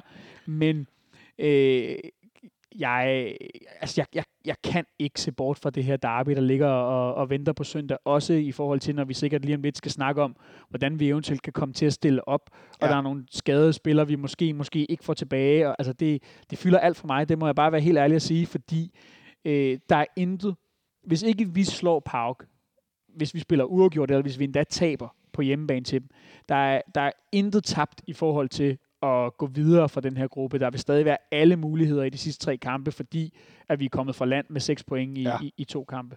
Øh, så, så, men, men, men jeg er spændt på, hvordan at, man, at de forholder sig til det ude på, på tieren. Ja, fordi Mathias, der er jo også de to ubekendte, som Jes Torp i går får sagt. Vi må vente og se til tirsdag, hvordan Jens Dage og Victor Christiansens kroppe reagerer på, at musklerne bliver aktiveret. Altså med andre ord, hvad sker der, når de løber? Jeg tænker ikke engang et spil med bold, men simpelthen løber ud på græsset, ude på træningsanlægget. Øh, for det er jo en stor ubekendt. Vi sidder her mandag eftermiddag, vi skal først spille på torsdag. Det er som nogle gange, når jeg hører Medianos preview-programmer, der er optaget om onsdagen til en kamp, vi skal spille om søndagen. Se, hvor meget der kan ske på fire dage.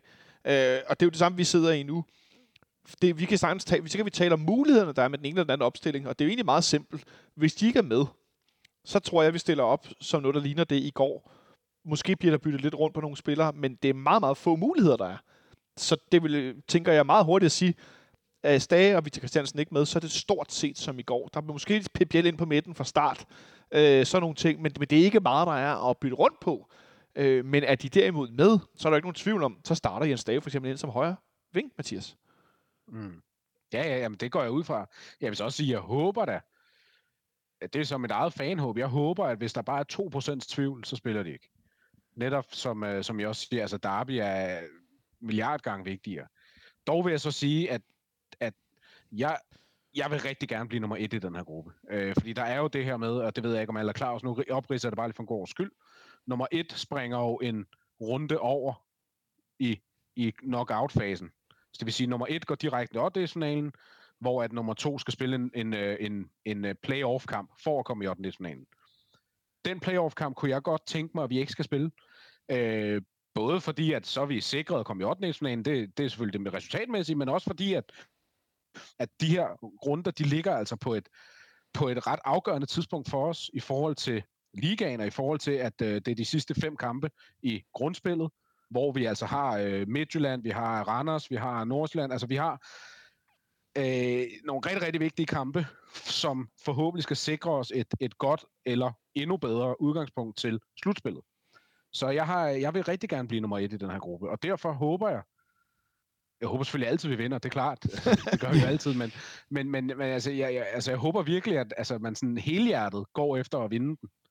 Øh, fordi at så er vi altså fem point foran, lige pludselig, i den, mod den direkte konkurrent. Det kunne være fint at vinde den, Så, uden så det er sådan den balancegang, ikke? Men, ja, men det, Ja. ja. det må bare ikke koste derby, så det er jo, det er jo den, der er svær. at vinde den uden nogen skader. Ja, og man, man skal huske på, at, ja. øh, at, at vi jo er i den situation, øh, den ulykkelige situation, at øh, Brøndby IF, de også spiller i, øh, i Europa i, øh, i denne sæson. Og det betyder, at de også har en kamp øh, på torsdag, øh, som, øh, som de skal have overstået. Det vil sige, at vi er ikke det eneste hold, der risikerer at øh, komme og være øh, måske en lille smule tunge i benene til den her kamp på, øh, på, på søndag. Altså det, det er ligesom det er ens betingelser for begge hold. Øh, Øh, jeg, jeg har stadig svært ved, ved ligesom at, at, at finde ud af, hvordan jeg skal forholde mig til øh, øh, eventuelt dosering af nogle spillere øh, på torsdag og sådan nogle ting, men, men, men jeg tror, det er en lidt omsondt diskussion, fordi øh, som du er inde på, Jonathan, så kommer der ikke til at kunne ske ret meget. Altså, øh, Kuchulava glider tilbage ind i, øh, i midterforsvaret og spiller den plads, han plejer ved siden af Bøjlesen. Øh, og så afhænger det af, af de to spillere, der, der, der har været skadet. Øh, og der, der, det er ligesom det, det, det, der kan komme til at ske. Øh, måske kan det være, at, øh, at Jes Torup finder på at lave en, øh, en, en lille omrokering, som gør, at, at Pep Biel øh, ligger inde på sin vante plads fra start. Men jeg er ikke sikker på, at det nødvendigvis vil komme til at betyde andet, end at man øh, kan finde på at bruge Rasmus Højlund øh, som, som sådan en, en lidt alternativ kant. Altså det har Jens Dage jo spillet i forvejen, så, Ja, ja. Øh, så, så hvorfor skulle man ikke kunne bruge en angriber derude? Øh, endda en, der hurtigere kan løbe dybt øh, og har lidt, øh, lidt styrke på låget. Øh, så, så altså, Men, men hvis de ikke er med, der er jo ikke andre. Du sidder og kigger, hvem er på bænken går. Så kan øh, Håkan Haraldsson, som Mathias nævner, han kan komme ind og spille den her højre fløj. Det skulle så være det. Øh, Maja skal spille midterforsvaret. Lad os sige, Victor Christiansen stadig er skadet. Kutsulava er tilbage. Ruben Gabelsen er i stykker et eller andet, men Marius er så tredje, så kan det være, det er Ruben Gabelsen eller Kutsulava, der spiller i midten, hvis man gerne vil have Bøjlsen ud på venstre bakken. Der har han jo før ikke spillet i, jeg får lyst til at sige 100 år. Øh, så kan Luther Singh starte inden så venstre i stedet for Bøving. Hvis, øh, men det er sådan nogle små ting. Det er jo ikke sådan nogle store forandrende, nu sætter vi en spiller ind, der kan rykke rigtig meget. Nej, og flere af de ting, du nævner, tror jeg simpelthen ikke er på brættet. Altså, jeg, jeg tror simpelthen ikke, det er aktuelt, medmindre at, at, at vi bliver tvunget ud i det. Øh, jeg, øh, jeg ved ikke, øh, om Jes Torup ligesom har... Øh, han, har jo lavet det til et par gange i løbet af det her øh, efterår, ligesom... Øh, hvad skal man sige, øh, revideret sine øh, tanker om, øh, hvor, hvorvidt han skal rotere, og hvor meget, og, og sådan nogle ting. Øh, blandt andet efter den her Nykøbing-kamp. Øh, lige, lige nu tror jeg, at vi er ved at være der, hvor han ikke rigtig kan rotere. Altså, der er simpelthen for få spillere, øh, og, og, og dem, der er, er, er, for, er for uprøvet. Øh, vi har selvfølgelig også øh, Baldursson, som, som måske kan komme ind, men omvendt, altså skal den her øh, nye midtbanekonstellation ikke have så mange minutter sammen som overhovedet muligt, og altså, øh, ja, ja, ja det, det, jeg, jeg ville synes, det var en svær opgave, hvis det var mig, der, der stod derude og skulle blande kortene til de her to kampe. Ja, Mathias? Øh, jamen, øh, øh, to, to. For det første vil jeg lige sige, der var jo også en tredje spiller, som der faktisk var tvivl, tvivl om omkring øh, Sønderjyske kamp her. Det var Bøjlesen. Så hvis, hvis der fortsat er noget med ham, altså jeg tror, man er gået rigtig, rigtig langt for, at han skulle spille, så det ikke blev Marius og, øh, og Gabrielsen sammen. Øh, men hvis der nu fortsat er noget med ham, så kunne jeg godt forestille mig, at man sparede ham. Eller lod være med at spille ham, og så spillede Kutsulava med, med Gabrielsen. Også for at, altså du er nødt til at få Gabrielsen i gang, fordi jo, jo, jo længere tid du kører med en, med, med, med en, der ikke rigtig er i gang, jo, jo mere sårbar er du for skader og karantæner. Det var den ene ting. Den anden ting er, at øh, jeg har haft en teori, at lige siden øh, Sækker blev skadet om, at man kunne finde på at gå over i den her, øh, skal vi kalde den 4-1, 4-1, 4-5-1, 4-3-3, kald det hvad du vil, som vi gik over i anden halvleg i Nordsjælland-kampen. Og det er faktisk netop på grund af den der Nordsjælland-kamp, at jeg tænker, at den kunne være relevant, hvor man fik, det var så godt nok Sega, der kom ned i, i øh, hvad kan man sige, på den defensive midtbane område, som mere sekser, øh, og lå der, og så havde du så to otter, lad os kalde det det, som, som begge to løb frem, det var så Pep Biel og, øh, og Lea i den kamp. Og netop på baggrund af, hvad vi har talt om med, med, med Lea og hans, øh, hans, hvor han er bedst, så kunne jeg godt forestille mig, selvfølgelig alt efter hvilke spillere, der er klar, så kunne jeg godt forestille mig, at det var noget, man, man, man overvejede kraftigt. Altså vi har også hørt Jes Torup udtale øh, på bagkant af, af sikker skade her, at nu må vi se hen af de næste par kampe, hvad der fungerer bedst og sådan noget. Jeg synes, jeg tolker det meget som en, en træner, der er åben for, Måske det ikke er den her 4-2-3-1, vi har spillet. Måske det ikke er den, vi per definition fortsætter i. Hvem skulle så spille? Som du ser det, Mathias, så kan du uh, sige, om du er enig eller ej, Benjamin. Jamen, det er jo... Ja, altså, man, man kan sige, at uh, den tre, trekløver midtbanen kunne jo så oplagt være Isak nede på den her playmakerplads, som vi talte om, og så kunne det være Lea og Pep Biel som de to, der løber frem. Det kræver så, at der er en højre kant klar, kan man sige, medmindre man spiller Bøving højre og Singh venstre. Jeg tror ikke på, at Singh han starter ind, ikke efter den her præstation i går det er også en mulighed af sådan en som Andre Baldursson, som, som, som øh, Benjamin også nævnte før. Han er jo blevet hentet af en årsag, han er blevet hentet øh, som et lovende talent af en årsag med en angiveligt ret høj frikøbspris, så, så der må være en idé med ham. Det er ikke meget, vi har set ham endnu, fordi han har lige været lidt uheldig med noget skade, men der må, det er jo også, kunne også være, at han kommer ind enten i 6'er eller i en 8'er position, altså ind på den her midtbanetrækløver, lad os kalde den det. Øh, og så, altså nu var vi inde på Jonas Vind før. Øh, jeg, jeg, vil ikke blive, altså jeg vil ikke blive sur, hvis Jonas Vind han var på bænken for eksempel på torsdag, og man smed Pep Biel op i sådan en, i det her, øh, på den her angrebsposition i en, nu kalder jeg den 4-1-4-1, eller 4-3-3, som vi så foråret, hvor han er den her mere falske 9-type, der skal falde ned. Altså, jeg, jeg vil ikke blive sur. Altså, jeg, jeg synes, det vil være helt okay at, at ligesom sige, prøv at høre, der er også en grænse for, hvad vi kan tillade, øh, i forhold til at sætte et eksempel for, for alle andre, og så videre. Øhm, så, så ja, der er muligheder, men, men det er jo ikke, fordi man står og tænker, at den ene er bedre end den anden. altså, det er jo mere en, øh, det er jo mere en, det vil jeg nok foretrække, man kunne også det, det er nok ikke lige, ah, og, og så er der det der, det er nok helt væk, men det er da trods alt en mulighed. Så vi, vi mangler altså af, af de gode muligheder, men, men der er jo trods alt spillere, man kan sætte ind. Så er spørgsmålet bare, om man tror på dem. Lad os starte bagfra, Benjamin. har vi i virkeligheden, for jeg lyst til at spørge ud fra det, Mathias siger, som jeg synes er rigtig fint, har vi virkelig så få spillere til råd lige nu, at man ikke kan sætte Jonas Vind af, uanset hvor usynlig han måske har været i nogle kamp? Øh, det kan man jo godt. Kan man altid, det ved jeg, Det men, kan men, man, at, at, men, men jeg tror ikke, øh, jeg tror ikke, det kommer til at ske. Jeg tror ikke, at, Ja, det, det tror jeg så heller ikke, vil jeg lige sige. Men jeg kan ikke blive sur, hvis det skete. jeg tror ikke, øh, jeg tror ikke, at man tør. Øh, og, og, og jeg tænker også, at, at der, må være, der, der må findes andre måder at, øh, at give Jonas Vind et, øh, et los i røven på, end at, end at sætte ham på bænken. Øh, det, altså man, man må, må være til at tale med, ligesom de fleste andre er. Ikke? Altså der, der, der skal være andre pædagogiske værktøjer i kassen, end at, end, end at bænke folk. Øh, men simpelthen gør ham det, gør ham det klart. Det, det er sådan, hvis man siger sådan, ansvarsmæssige tomrum, der er på holdet lige nu, og hvem det er, man, man regner med går ind og tager det, og at han er en af dem. Øh, altså, øh, det, om, om, om det lige hedder, øh, øh, hvad skal man sige, øh, 4-1, 4-1, eller, eller 4-2, 3-1, eller sådan, det, det er ikke, det, og nu kommer jeg jo nærmest til at lyde som Jes Torup, men, men det er ikke så, uh, det er ikke så afgørende for mig. Altså, fordi jeg mener, at det er småjusteringer. Det handler jo i virkeligheden om, hvor, er, altså, hvor højt i banen er Pep Biels ja, udgangspunkt. det handler om Pep Biel. øhm, det, det, er jo sådan, det, er sådan set, det, det er jo det eneste, der er til forskel på de her to. Ja. Øhm, og, og, og der håber jeg, at man så også kigger lidt på modstanderne, og hvordan de stiller op, og hvor deres svagheder er, når man afgør, øh, om øh, han ligesom skal øh, starte lidt længere fremme, eller starte lidt længere tilbage. Øh, altså, øh, argumentet for det i, i min bog skulle være at, at få ham lidt mere på bolden i opspillet, men øh, det er ikke sikkert, at det er nødvendigt, hvis øh, den sådan, lidt sådan større plan er at overlade den takstok til Isak. Øh, så, så, så, så kan det godt være, at, at man fint kan have Pep Biel øh, længere frem i banen, uden at miste noget, når vi skal bygge spillet op.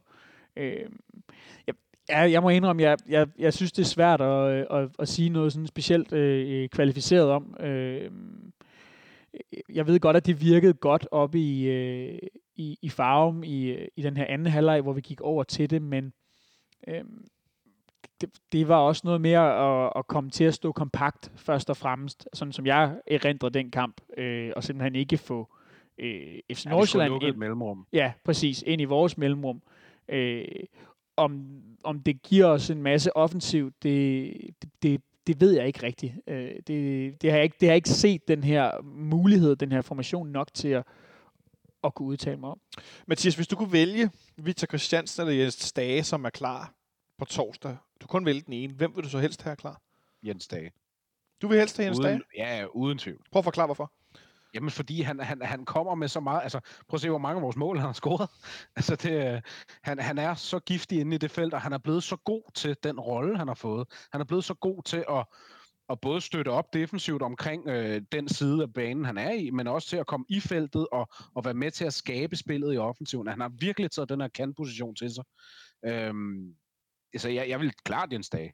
Klart, Ja. ja. klart. Du på Jens Dage. Jeg sad faktisk og tænkte på Victor Christiansen, Benjamin. Fordi at øh, det vil give vores spil så meget bredde og så meget naturlig bevægelse i venstresiden. Ja, jeg, jeg kan godt se, hvor du vil hen. Øh, jeg tror, vi lander i den samme fælde med, hvem skal vi ramme, når vi så kommer over kanterne. Øh, og, og, og, Ah, og jeg, jeg, jeg er på Mathias hold her, at den Ah. årsag, at, øh, at vi simpelthen bare er altså, så meget tyndere op i den ende af banen, hvor at Jens Dage han har gjort sig i den her sæson. Ja. Øhm, jeg, jeg er med på, at, at den her konstellation med, med øh, Kevin Dix som sådan en fejlvendt øh, øh, venstre bak, det, det er ikke ideelt, men øh, jeg synes, at vi er i større problemer, øh, når vi sidder her og snakker om at skulle bruge øh, enten Pep Biel eller Rasmus Højlund som kantspiller. Øh, Luther Singh er der jo ingen, der tror på. Øh, heller ikke trænerteamet formentlig. Øh, altså, så det at få Jens Dage tilbage, også i sådan en, en formodentlig tæt kamp, hvor at, øh, øh det kan blive afgjort på en dødbold eller en høj bold ind i feltet, øh, og netop også for, at vi har nogle at ramme på de her indlæg, så, så synes jeg, at, øh, at lige på den korte bane her, der, der er det vigtigst at få Stage klar. Og så er der noget, vi har talt om meget i den her udsendelse, som, som øh, lakker mod enden, skal jeg afsløre. Øh, at Jens Dage, han tager ansvar. Også uden bolden. Han tager sindssygt meget ansvar. Det var ikke for sjov, manden var anfører i AGF i en længere periode. Jo, jo, Mathias, du har ret. Han scorer mange mål. Han laver mange løb uden bolden. Det var noget, der ikke var meget af i går. Øh, Han kommer meget i feltet. Han er god på dødbolde i begge ender af banen. Og det er også derfor, det er vigtigt at have både ham, Jonas Vind og Kevin Dix på banen, fordi det er tre rigtig stærke hætter ud over vores forsvarsspillere. Øh, vi får også Kotulava tilbage. Robin Gabelsen er jo god på hovedet, men med det der med også at kunne have i de der forskellige situationer, det er her, der er spillere, der, der gør sig, og der øh, tager ansvar og har stor indflydelse på de andre. Vi har jo set Jens Dahl lave de der pres nogle gange op i banen. Jamen, og, og det var faktisk præcis det, jeg gerne vil ind på, at han jo øh, sætter et sådan, øh, hvad skal man sige, sådan øh, fighter, eksempel. fighter eksempel i, ja. i, en, i en situation, hvor Seca ikke øh, øh, længere er til rådighed. Øh, jamen, så er han jo en af dem, der sådan i forhold til øh, sådan rene løbemeter, øh, fysisk tilstedeværelse, pres, taklinger, øh, alt den her sådan lidt mere sådan robrødsagtige del af fodboldspillet. Men det, der er han jo en af dem, der skal gå forrest nu, øh, og, og det gør han. Øh, ja. det, det har vi set. Øh, og det, det, det glæder mig rigtig meget til at få tilbage på det her FCK-hold. Så lad det bare øh, gerne være allerede på torsdag, men som Mathias siger, kun hvis han er 100% klar. Og jeg vil bare lige indskyde, inden vi skal gætte på, hvad kampen ender, at øh, jeg tror også, hvis der er nogen, der bliver klar til ham, for det der med at have problemer med lægen, som Victor Christiansen og har, det vil jeg slet ikke gå ind i, hvad det kan betyde, fordi det kan være meget mere, end at man bare lige ikke lige er klar til at spille. Øh, det, det, det, det er bare min helt egen øh, tanke og analyse, at det kan godt være noget rigtig skidt, hvis du har problemer med lægen. Øh, hvorimod at Jens Dage, han lød bare som om, det var en lidt mindre ting. Øh, så øh, jeg håber, at mit øh, vrøvleri, det, det viser sig at være rigtigt, fordi at, øh, vi har selvfølgelig brug for dem begge to, men, øh, men at han i hvert fald er klar, fordi at, øh, han har stor indflydelse også i en gruppe af spillere, der mangler lidt de her normale anfører. Mathias, feriebarnet, hvad ender kampen på torsdag? Åh, oh, ja, men altså, Jonas Vind, han er jo god i Conference League, så lad os skyde på, at han får scoret et mål, så uh, siger jeg 3-1. Du siger 3-1. Jeg kan afsløre, at der var ingen af os, der var i nærheden af at have 1-1 i Haderslev. Jeg var på 3-2 til FC København. Det var noget helt skidt øh, værk. Benjamin? Jeg siger 1-1. Du er på 1-1? Øhm, og, og, jeg, og jeg er landet i... Øh, jeg sad lige og kørte nogle scenarier igennem i hovedet her, mens de andre snakkede, og jeg, jeg landede i den mere positive ende af, af det, jeg havde øh, op og, og vende i mit hoved. Jeg, jeg tror, det bliver rigtig svært. Jeg tror, at det her pavkold er godt, øh, og vi ser tynde ud. Nu har jeg jo slet ikke øh, snakket om så meget om det her powercall, som jo har en del øh, sådan tidligere øh, kendte navne, blandt andet øh, øh, Kagawa. Må jeg bare lige indskyde, at jeg, ja. altså, vi er simpelthen derhen, hvor jeg, hvis jeg kunne få lov til at slippe for at spille den på torsdag og få en 1-1, så solgte jeg den. Ja, det kan jeg godt forstå. Uh, de har nogle, nogle, lidt, nogle uh, lidt sådan kendte, kendte uh, navne for europæisk fodbold. Stiller med et Deres hav. topscorer må, uh, må uh, Benjamin kunne kende fra, uh, fra Arsenal. Chuba Akpom. Ja. Et gammelt Arsenal-talent. Ja, det er rigtigt. Uh, det var ikke uh, så forfærdeligt meget, vi fik lov at se til ham på uh, første hold. Det er næsten, øh, det er næsten øh, bemærkelsesværdigt, at øh, Pauk i, i går stillede med to græske spillere fra start. De har en del kampe, hvor de simpelthen stiller med nul. Øh, der er spillere fra alle mulige nationer og steder. Øh, jeg øh, skyder den lige over til dagens producer, Martin Oransen, der med fingrene kan få lov at signalere, øh, hvad han tror, kampen ender. Han siger 0-2. Martin siger simpelthen, at vi taber 2-0. Regnvejr på en torsdag i oktober. Ja, det lyder simpelthen forfærdeligt. Øhm, jeg må sige, at jeg er faktisk også på det her 1-1-hold, og jeg tror, at vi bliver udlignet, og så tror jeg, at vi har i slutningen af kampen nogle indlæg og nogle ting, hvor det er meget tæt på, at Pau de får fedtet bolden ind, og vi kommer til at stå og sige, shit, mand, oh, det der kunne nemt være blevet et mål. Øh, og så udover det, Benjamin, nu ved jeg, at øh, Mathias sidder i et sommerhus, og det kan jeg sige til dagens producer Martin, også til jer derude, så tror jeg, at vi får også lidt en oplevelse med i hvert fald 1000 græske Pauk-fans, der kommer op. Øh, fordi dem er der altså knald på øh, for at sige det på en pæn måde. Der er fandme smæk på. Du, I kan med fordel finde Pauk-fans på YouTube, og så prøve at se nogle videoer. Øh, ja, der, øh, jeg forudser, nu var der rummerlys i går i FC København i Haderslev. Jeg ved ikke, jeg gætter, jeg gætter på, der sker noget. Det, det er min helt egen, øh, jeg har det øh, ikke noget at have det i. Jeg, jeg gætter bare på, at der kommer til at være knald på. Øh, og det, kampen. Og nok også før kampen. Øh, så, så det, øh, det må vi, må vi se, hvordan det løber an. Er der noget, vi lige skal have med her til sidst? Har vi fået rundet det hele? Øh, jeg synes, vi nåede rundt om... Øh, jeg beklager, at vi ikke var mere inde på det her græske hold, men der er simpelthen så meget i vores egen lille andedam i forhold til at skulle stille hold. Så det, det får altså første prioritet lige nu, og nu er vi heller ikke lige frem... Øh, du har ikke, du har ikke bol over i sommerhuset, Mathias, med græsk fodbold kørende? Nej, nej, nej, nej, det er det, jeg mener. Det er, ikke, jeg fordi, det er ikke det, vi ser mest af, så øh, beklager, at vi ikke lige har fået nogen på linjen, der kan øh, rise en masse op, men der er så meget at kigge på herinde hos os selv. Så det vil jeg skrive i den omgang. Øh, så med de ord vil jeg bare sige øh, tak til dig, Mathias, fordi du var med på linjen for Bornholm. Jamen selv tak. Og tak til, dig, tak til dig, Benjamin, fordi du var dagens øh, redningsmand og kom herind her i sidste øjeblik. Selv tak. Og tak til dig, Martin, fordi du sad for bordenden i dagens anledning. Og tak til dig, fordi du lyttede med. Jeg håber, I får en fed øh, kamp på torsdag. Og så vender vi tilbage på fredag. Forhåbentlig godt humør og ser frem mod søndagens derby. Ha' det godt så længe.